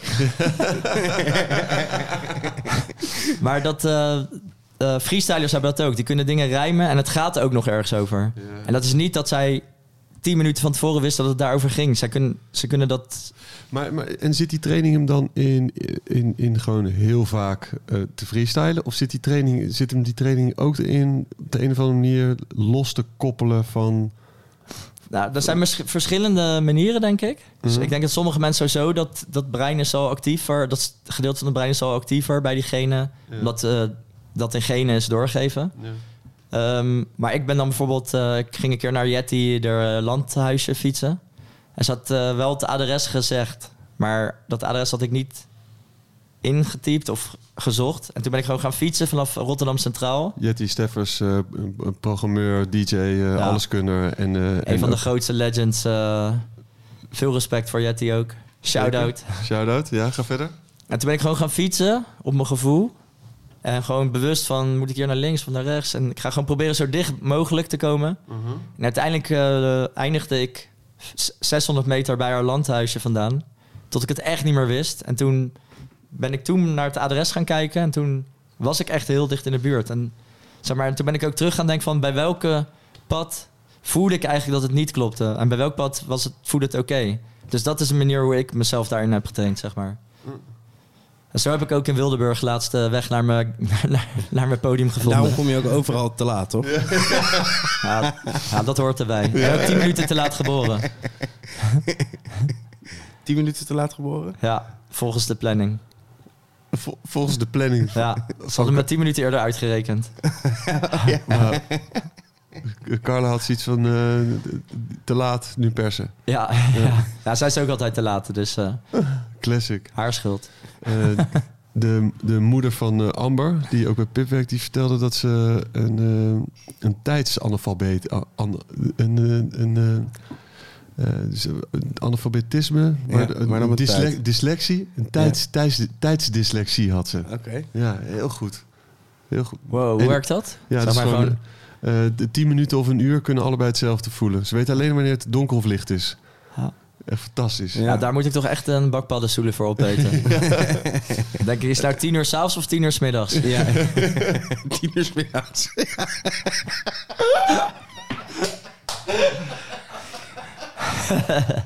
Hey, Gina, wat, wat, wat, eh, heb- hebben je ouders het album al geluisterd? Eh, nee. Nee, ik ga het wel ehm, aan mijn moeder laten luisteren. Ehm, Kom, komt er een luistersessie? Eh, ja, wat, wat, ik wil, eh, tijdens, mijn, tijdens mijn release party wil ik eerst een luistersessie doen in de tuin bij Pip. Oké. Ik heb al wat 200 RSVP, dus er gaan veel mensen komen. Ehm, ik ben nog even aan het nadenken over vier, vier punt geluidsysteem. De setting moet ook niet... eh, het album duurt lang, dus kan niet iedereen twee uur lang laten zitten. Dus of er komen veel pauzes... Of ik ga wel aangeven van borrel feit mag. Dus je mag gewoon lekker lullen. Ook wel hard om gewoon stoelen neer te zetten en iedereen... Ja, dan- stoelen we sowieso. En, en gewoon iedereen vast te binden. Ja, Gewoon tie wraps om die polsjes en gewoon twee uur lang eh, Ja. onderwerpen aan, eh, aan jeans. en dan wel pauze tussendoor. Ja. Eh, Maar dan mogen ze ook niet weg. Nee, Ja, dan waarom voeren, voeren wij ze wel met één- iets. één ruimte voor in. Waar mensen in kunnen lopen. De tuin, dacht ik. Ja. Ja, maar dan vliegt het toch ook weer weg. Ik vind optie, Ja. optie B ook wel goed hoor. Als je toch eh, eh, mensen hebt die zich allemaal weer ingeschreven. Want toch, je bedoelt geluid, het geluid vliegt weg Ja. en energie. Ja, met de vierpunt eh, opstelling eh, kan je dat tegenhouden. Mm. Ehm, maar ja, goed. Dat is nog iets waar ik... eh, Hier, hier, hier gaan we het nog even over hebben. ja, hier gaan we het even over Ja, hebben. dit hier gaat dus nog Ja. wel een puntje van aandacht. Ja, Ja, anders toch in de midpoint. ja. Ja, ja. De, de vegan point. Ehm, ja maar dat is, ehm, ja, dat is dus nu waar ik nu de komende tijd mee bezig ben. Heb, heb je dit, ben je dit album aangevlogen eigenlijk al met, met, een, met het plan dat het dit zou gaan worden? Of ook puur intuïtief? En, eh, Puur intuïtief, ja. En, en, die, en dan, want de tracks zijn best wel afwisselend. Ja. Dus het is iedere keer een rustige track en dan weer iets sneller. Ja, Hoe, hoe is dat? eh, ja dat, de, het is dus ehm, een... Het zijn allemaal genres waar ik in mijn leven naar heb geluisterd. Samen gepropt. En ehm, ja, ik ben er bewust naar gaan luisteren. Ik moest natuurlijk ook nog rekening houden met het aantal minuten per kant. Dus ik, ik had uiteindelijk al een selectie, maar dat kon niet. Omdat eh, dan eh, waren het zeven vinylplaten geworden. Ook sick geweest? ja. ja, maar ja, heel duur. ja. ja. En eh, ik moet ook een beetje rekening houden met de prijs, wat het uiteindelijk gaat kosten. Want mensen eh, hebben het gewoon, ja, gewoon minder geld eh, momenteel om uit te geven. En ehm, dus ik, ja, ik heb eigenlijk voor dit gekozen. En uiteindelijk heb ik die selectie opnieuw kunnen maken dat het nog wel klopte. Mm, Maar het begint bijvoorbeeld met een, eh, met een track die eh, Duel to the Death heet. En daar staat een outro achter. En het idee daarachter is... ehm, er zit een sample in die Wu-Tang ook ooit op Wu-Tang Forever als eerste track eh, gebruikte. Toen ben ik gaan uitzoeken waar die sample vandaan kwam. En dat kwam van een Chinese oude jaren 70 kung fu film. dat, is, dat, dat is natuurlijk die kung fu eh, Ja, ja. game, ja. En die, die film heette Duel to the Death. En er zit een soort van één geluid in. En dat voelt voor mij als vroeger, toen ik voor het eerst Wu-Tang ontdekte, zeg maar, dat, dat is voor mij een begin. En daaromheen heb ik dan een eh, track gebouwd die, eh, nou ja, jij vindt het de vetste track van het album. Ja, ik ben echt fan van deze. En het, voor mij is het meer, klinkt meer als een ritueel. Ja. En eh, dat heb jij ook goed vertaald in je performance. Ehm, samen met Julia. Ja. Wat ik echt super vet vond. Ehm, het idee van de outro is dat je eigenlijk...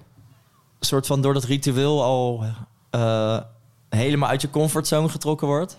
Dus je, eigenlijk sterf je, soort van... je ego moet sterven... om de rest van het album te luisteren. Ehm, maar ja, Wa- Wacht even, je ego moet sterven om, het- om de rest van het album. Is de, en, en Ja, je moet je dan overgeven. Dat is het idee. Want het is niet echt voor de dansvloer gemaakt. Ehm, het duurt lang. Ja. Ik kan me ook voorstellen dat het...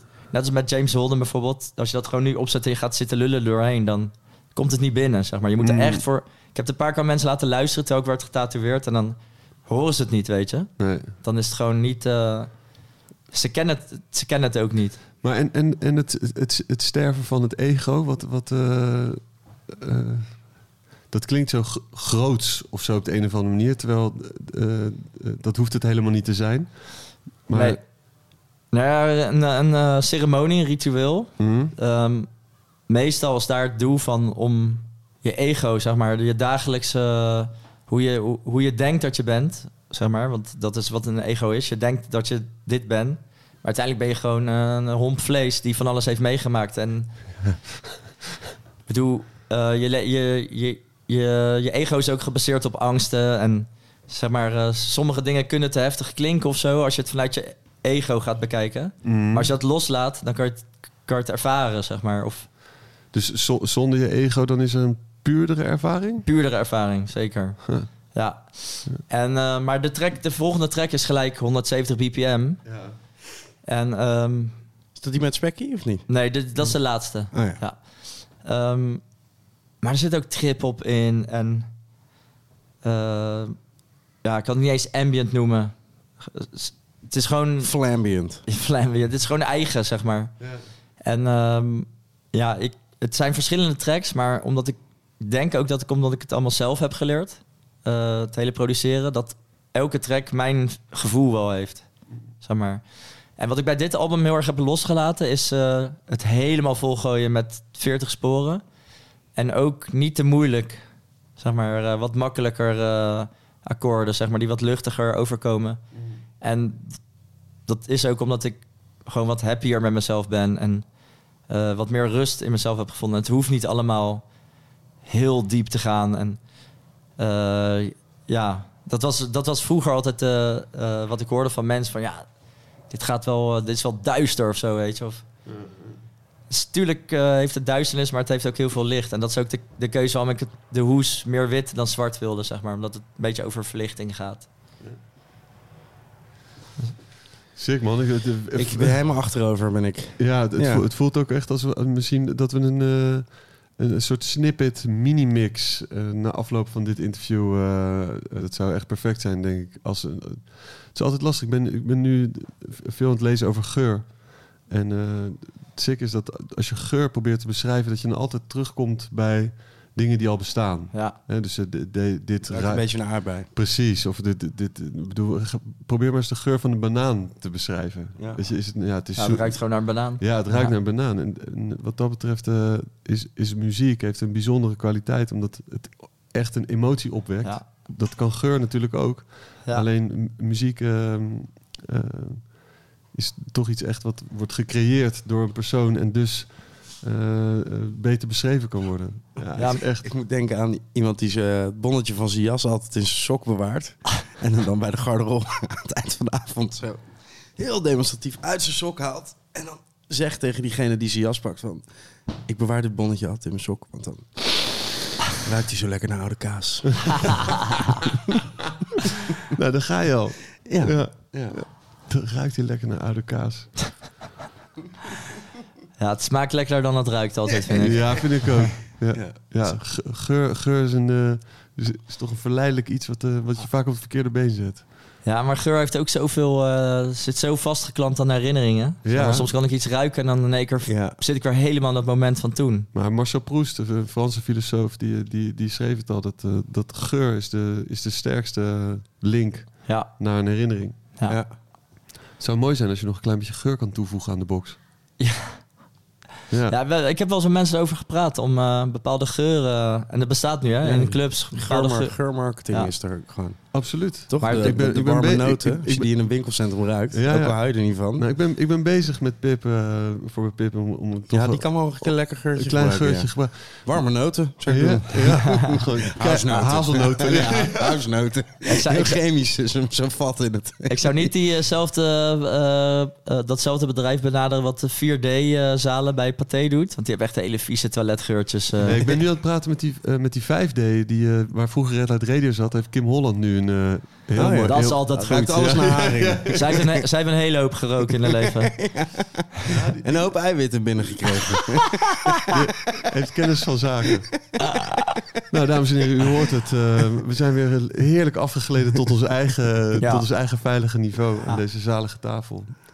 Ehm, ja, we zijn er, denk ik. Gino, dank je wel eh, ehm, voor, voor dit heerlijke onder onsje. Ja. Ik, denk- ik denk dat veel mensen een heel ander beeld van je gaan krijgen nu. Ja? Is dat zo? Ja, dat denk ik echt. Ja? Ja. Ja, dat, dat, dat maak ik sowieso vaker mee. Dat mensen denken dat ik heel agressief, ordinair eh, mens ben... waar je heel lief tegen moet zijn. Ehm, ik kijk ook best wel nors uit mijn ogen. Ja. Maar ik ben echt totaal niet uit op ruzie. Nee, nee ik Nee, denk ik- dat I love een- everybody. Een, van de liefste mensen bent die ik ken. Ja. Denk ik echt. Mm. Er is één iemand die ik zou bellen als mijn huis in de fik staat, zeg maar. Dan weet je zeker dat hij dat die komt. En dat is Ja. Gino. Als die opneemt. Als die opneemt. Ja, dat, dat doe ik bijna nooit. ik haat bellen. Ja. Echt, bel mij niet. Stuur me een appje. Beantwoord hem over twee dagen.